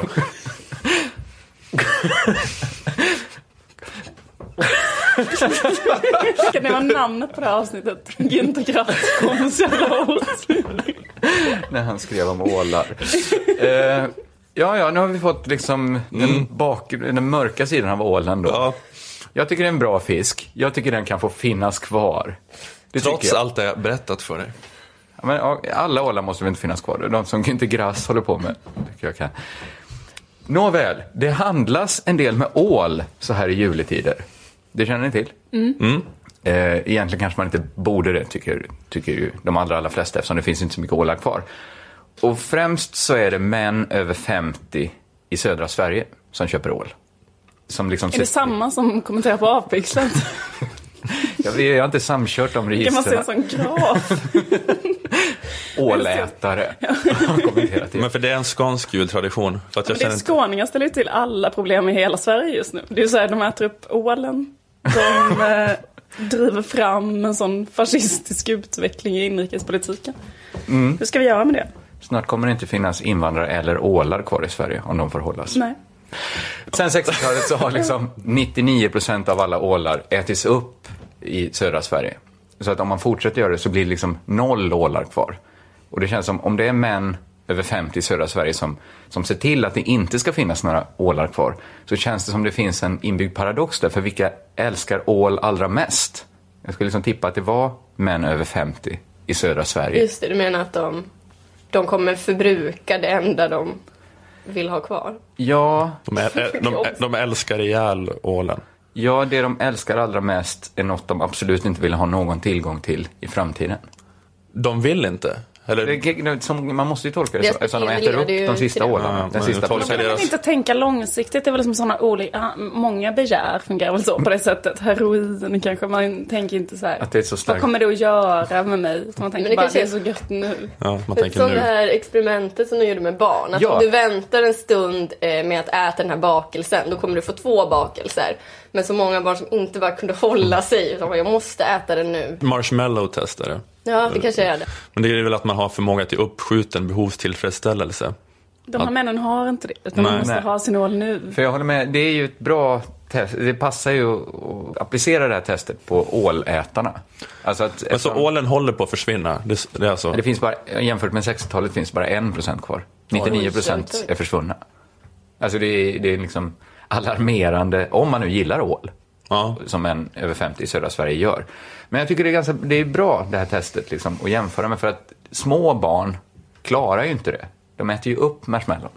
För att de har inte den... Nej, vissa klarar att vänta i tio minuter och få två marshmallows då. Och de klarar sig bättre i livet sen. Ja, men om man skulle... De, skulle, de för, utrotar inte ålstammen. Nej, de flyttar aldrig till södra Sverige. Nej, men det är intressant att män över 50 i södra Sverige skulle misslyckas om de blev lämnade ensamma med en bit luad ål. Då säger man vänta tio minuter så får du två. Eller vänta lite till så kan dina barn och barnbarn också få äta ål som är så gott. Vänta lite så utrotar du inte en hel djurart. Du behöver bara vänta lite, lite så rubbar du inte ekobalansen i södra Sverige. Och inte bara södra Sverige som ålen transporteras över enorma sträckor som ni känner till. De kan inte ens svara på den frågan för de har munnen full av ål. Precis. Bara... Man har inte ens hunnit berätta reglerna för det här uppskjuten behovstillfredsställelsetestet innan de har ätit den första ålen. Ja, jag, då har jag det budde. Jag skulle säga att du får två ålar och du väntar tio minuter. Så bara, uh. Jaha, vi tar en ny ål. Och sen så när man vänder sig upp för att ta upp stoppklockan så är den ålen också försvunnen. Så att 80 procent av ålarna försvann redan när man gjorde de här testerna. 1960. Det här ger så himla dåligt hopp om framtiden tycker jag. Att det saknas som en, det är en kognitiv förmåga som folk saknar. Att, att, att så många kommer misslyckas i ett sånt här test. För då känner det liksom ingenting till att föra en argumentation om till exempel kör inte så mycket bil för då påverkar det klimatet eh, så att folk, alltså riktiga människor, kommer dö. Och då är svaret, så detta betyder alltså att vi kan fortsätta köra bil. Då får man säga, nej du ska inte köra bil. Så är det bil. Då ska vi köra bil. Vi kör bil, bil, bil, bil, bil, bil. Så är det ju. Det, det, det är ju ganska deppigt att, att folk har så svårt att föreställa sig ett icke-existerande nu. Att framtiden en dag kommer vara ett nu och då får det man gör konsekvenser. Att man inte har liksom den kognitiva förmågan. Det är liksom en av två anledningar jag kan tänka mig till, till det här beteendet. Att antingen liksom så är man ja, men, i vardagligt tal för dum då. Det kan man ju säga att ett barn är som, som inte fattar att du får två marshmallows, du som älskar marshmallows, mm. och bara vänta tio minuter. Men då är de ju verkligen dumma. Då är de dumma på det sättet som gjorde att man blev tvångssteriliserad på 60-talet om man misslyckades ja, som man vuxen. Man blev inte tvångssteriliserad för man var dum kring det. Men... ja, men, eh, Okej, okay, man blev tvångssteriliserad för samhället ansåg att de här generna ska inte föras vidare. Det kanske man hade tänkt om, om de som misslyckas i det här testet. Det är det ena alternativet, att folk verkligen är så dumma på den nivån. Det andra alternativet är ju att folk tycker att det är för sent. Alltså antingen för att ens eget liv snart är slut, man är man över 50 i södra Skåne, mm. eller för att världen inte har långt kvar. Just det, man ska passa på att äta alla ålar man kan. Precis, och då är det ju ett jättedeppig variant av romarrikets sista dagar vi ser. Att mm. istället för att så här supa och festa och ligga med varandra så kanske man går till ett byalag som ordnar ett ålagille. Om man äter ål. Illegalt ålagille. Men om det är det bästa de vet så är väl det motsvarigheten till eh, en orgie. Dansa och sjunga. Ja, men det är en dålig form av hedonism, jag håller med. Att Visst bara sitta och mula i sig ål. Tillsammans liksom... med andra farbröder. Ja, okej. Tillsammans med andra farbröder tycker jag är ändå bättre. Men gör de det själva också? Ja, då är det jättedeppigt. Vad ska vi göra den här sista halvtimmen på Titanic?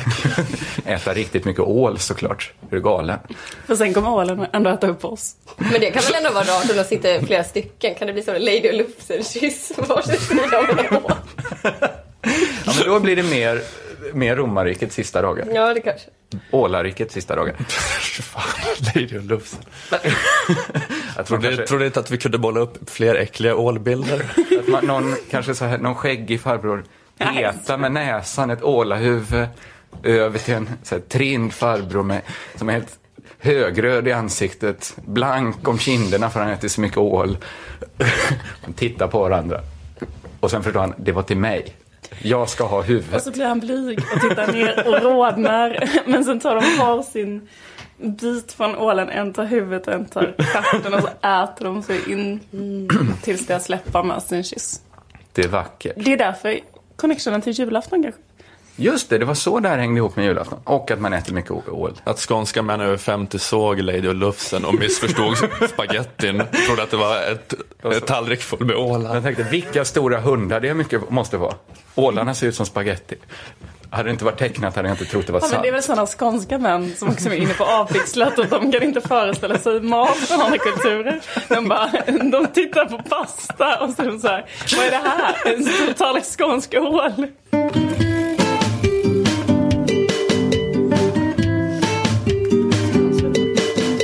Det här är också lite inaktuellt som ditt liv, men det är för att vi inte har sänt på ett tag. Eh, och jag har en sån iver om att få prata om Ann, Jag vill inte dö, jag vill bara inte leva, Hebbelein. Eller Hebbelelle. Och hennes tv-program Mina två liv. Har ni sett det? Nej. Många har inte sett Jag har det kanske. sett ett avsnitt. Kan du inte Det- beskriva den? vi kan låta, Ann- så här är ungefär hela programmet, så vi kan lyssna. Jag heter Ann Heberlein. Andra säger att jag är bipolär. Det är jag inte. Jag är mamma, jag är lektor i etik vid Lunds universitet. Jag är författare, jag är forskare, jag är föreläsare, syster, dotter och väninna. Jag är en hel massa saker. Men jag är inte det. Jag är inte bipolär. Hon är verkligen inte bipolär. Hon är kanske den som är minst bipolär i Sverige. Eh, hon är många andra grejer, men inte bipolär. Eh, Det är väldigt viktigt, och det upprepas med jämna mellanrum, att man är inte bipolär. Det är något man har. Ett till belysande exempel här. Så säger man ju inte om andra sjukdomar. Man är inte cancer. Och Nej, man är ju cancersjuk. Man är inte cancer. Men man kan också ha cancer. Men ja, det är inte en klockren där av. Nej. Man Nej. är inte cancer. Det var tur att de inte hade dig i redaktionen där. Satt, satt, satt, satt och surade och slog ner alla, alla bra Men jag tror jag hade varit ett, Jag kom ju precis från Amsterdam och man kan tro att jag är bakfull. Men jag har ju bara bakfylla. Det är inget man kan anklaga mig för, det är något jag har. Du är är också vän. Manlig vän. Är en manlig vän. Häxa. Manshäxa. Nej, det vet jag inte. Fan tar de som säger att jag är bakfull. Jag är väl mer än min bakfylla. Ja, precis. Förminska mig som inte. bror. Pappa, kanske. Kanske en dag, Liv. Kanske en dag. Eh, ja, då kommer jag vara pappa. Eller jag har barn, kanske jag kommer säga. Ja, just det. Jag är inte pappa. Jag är inte en pappa. Tro inte det, ungar. Jag bara har. Jag har er. Jag har ett papp, jag har ett... eh, Jag har jorden lite för länge innan ni ska få tillbaka den. Eller ha den ett tag. Eh, jag kan lyssna på lite mer ur programmet, för sen blir det eh, lite märkligt här. ofta sägs det att vi som har den här diagnosen är mer kreativa än andra. I det Nu sa hon lite fel här, för nu sa hon att hon är mer kreativ. Hon menar såklart att hon har kreativitet. Eller? Ja. För att samma sak måste väl gälla, det kan inte vara en sån sjukdom så alla dåliga sidor har man och alla bra sidor, de är man. Men så berättar Ann att hon för det mesta är frisk. Fast hon menar väl att hon har friskhet. Man är ju inte sin friskhet. Alltså det är inte Eh, alltid kreativ. Nej, hon är, eller hon, eller hon tycker För att det hon mesta är. är hon inte kreativ. För det mesta är hon ju fullt frisk. Eller ja, har alltså friskhet. inte så kreativ. Inte för kreativ alls. Inte för fem år. Eh, och det, I det här programmet så träffar hon andra då som har bipolaritet. Vi kan lyssna på vad det är för typer av människor. I det här programmet ska jag möta några som kallas kreativa genier som lever med samma symptom som jag. Det är konstnärer, skribenter och journalister. Det är de som råkar eh, ha eh, bipolaritet. De som är konstnärer, inte de som jobbar med konst eller journalistik. Eh, då undrar man ju så här, hur kan livet te sig för någon som är kreativ och har bipolaritet? Ja. Eh, Filip Hammar lämnar ett vittnesmål från sitt helvete. Vi kan lyssna här. Jag kan vakna klockan sex. Aj, aj, aj. Och då känner jag mig kanon. Mm. Sen när jag typ har rostat min första brödmacka och liksom smörkniven är nere på brödet. Då har det kanske gått 12 minuter sedan jag vaknade. Då mår jag skitdåligt. Det låter som det man brukar kalla rapid cycling. Det kallas för rapid cycling. Eller en helt vanlig morgon i livet, va? Tänk att behöva leva med bipolaritet, vakna på morgonen och inte vara helt jämn i humöret. Det känns inte kul att bre en macka och gå till jobbet. Jag blir lite sugen på att veta hur de som har bipolaritet, hur de tänker om oss som har friskhet. Hur vi har det. Kan inte någon berätta för en Heberlein att alla normala människor funderar på att ta livet av sig ett par gånger innan lunch? Det är, det är att ha normalitet. Ja, ja. Program, jag har bara sett ett program. Alla är ju inte lika bakfulla när de vaknar som du. Nej. Är, sa du nu. Jag har lite en släng av bakfylla ibland. beror på medicinen jag tar, Nanna. Eh, sen går programmet vidare då. Eh, Ann Heberlein träffar Fia Backström som är en framgångsrik svensk konstnär i New York. Och vet ni vad hon lider av? Nej. Den här sjukdomen att ibland vara superglad och göra massa konst. Men tror ni inte att hon blir ledsen mellan varven ändå? Hon blir lite nere. Hon lider av att inte vara glad hela tiden. Fia Backström kände sig till och med så sjuk till slut att hon fick börja ta LSD. Så jag tog LSD och då var det ganska så här behagligt. Världen började igen bli lite så här småsnurrig och eh, tankarna började sprätta runt i hjärnan. Jag började också ta ut mina idéer, skriva på väggarna och liksom klistra upp bilder och textstycken, allt möjligt och filma jättemycket och fotografera. Det börjar bra, sen blev det ändå rörigt. Och man vet inte, är det den här lömska bipolariteten eller är det all syra hon har tagit? Vad är det som ställt till det för Fia Backström den här gången? Kan det vara den hallucinogena drogen LSD? Man vet inte. Eh, vill någon här leva i en värld där svenska New York-konstnärer inte kan proppa i sig syra, fota och skriva på väggarna och sen upptäcka att det inte bara är bra för Man blir lite ledsen sen. Man blir lite ledsen. Vad är det för konstig medalj du har där? Den har ju en baksida. Det var en konstig medalj tycker jag. Men Vad är det, är det- för är det- konstig medalj? Det var Men hon eh, hade ju bipolaritet, det jag invänder som har sett programmet också. Filip Hammar, Hon var inte Men- bipolär, men hon Va? hade. Hon hade ja. Det är sant. Men, eh, vad- är din poäng att eh, bipolaritet bara är självömkande kulturarbetare? Ja, det kan man säga. Eh, lyckligtvis... Jag tror att, ja, jag vet inte. Ja. Men det, ja, men det får stå för dig. Gärna. Lyckligtvis har Fia eh, Bäckström lyckats bli fri från sina mediciner nu. Och då tänker ni kanske, hur mycket LSD tog hon för att bli fri från psykoser och bipolaritet? Vad var mirakelkuren som fick henne lite mer jämn i humöret? Mm, vilken är vi på nu? Eh, sjuan. Hon började också leva hälsosamt. Blev vegetarian, tränade, sov ordentligt och drog ner på alkohol och slutade med kaffe. Det är väl en konstig sjukdom, bipolaritet, va, som man har. Som gör att man blir, man blir mer stabil i sitt humör om man inte super hela nätterna och tar syra. Går och lägger sig i tid, kanske skär ner lite på kaffet, motionerar lite, så man sover lite bättre. Det var väl en konstig sjuka Fia Backström hade. Bäckström, Backström. Tog, tog hon inte också litium? Ja, men det har vi trappat ner på nu med den här mirakelkuren. Eh, lev ett anständigt liv, ta Ja, hand det, om det, dig. anständigt liv eller litium. Men det kanske inte är bipolaritet hon hade. Hon kanske var allergisk. Hon kanske hade allergi mot kul. Det kanske var det hon hade. Eller hon är inte allergisk mot kul. Men hon har allergin mot roliga saker. Jag kanske också har den sjukdomen. För jag trodde ju att jag hade fått eh, den här bakfyllan av att vara i Amsterdam. Men det kanske är bipolaritet jag har fått, som jag har nu då. Att först var allt jätte, jätteroligt i Amsterdam. Och sen när jag vaknade i morse, vet ni, då var det inte kul längre.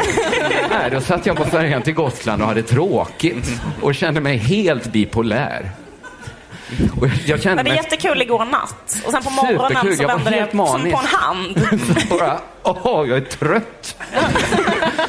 Fast jag sov mycket mer på morgonen än på natten. Vad är det för Ja. konstig sjuk? Jag känner mig, jag känner mig som Ann Heberlein. Jag vill inte supa, jag vill bara inte vara nykter. Den konstiga sjukdomen har jag fått. Aj, aj, aj. Kommer den sättas upp med Melinda Kinnaman på Dramaten i höst? På Jag Svenssons det. Jag vill inte supa. Jag vill bara inte vara nykter. Härligt. Se fram Kanske emot får bli det. Joel Kinnaman som tar den. Jag kommer gå och ja, det kolla. skulle passa bra. Vad sa du att vem ska vara? Joel Kinnaman? Ja. Ja, det var Så det pass jag... som självbild. Det ligger i diagnosen, Liv. Jag är manisk nu. tror att du är på väg in i en manisk fas. Jag känner ett skov är på gång. Ja. Ska ta en stärkelse. Om jag ska säga någon jag är lik, då är det Joel Kinnaman. Ta Fan, lång. Får se om någon läkare kan skriva ut en riktigt Finns lång det en läkare promenad. här inne? Finns det en läkare här inne som kan säga till Kringlan att han ska gå en lång Skriv promenad? ut regelbundna måltider åt mig fort. Så jag får något i mig. Jag kan inte må så här. Nej, fy fan vilka jävla töntar som är Nej, bipolära. Det är fan sorgligt. Ja, ja. Ja, Eh, absolut. Ska, vi, ska jag spela en stingare? Ja, vi Eller Finns det punchar någon väl annan ut det. väg ut ur det här eller? Eller vill du fortsätta gräva? Ja, jag tryckte gasen i botten nu och så var det en vägg där framför. Stanna bilen av sig själv. Ja, precis. Eh, Okej, då har vi kört in i betongväggen. Vi är hemma.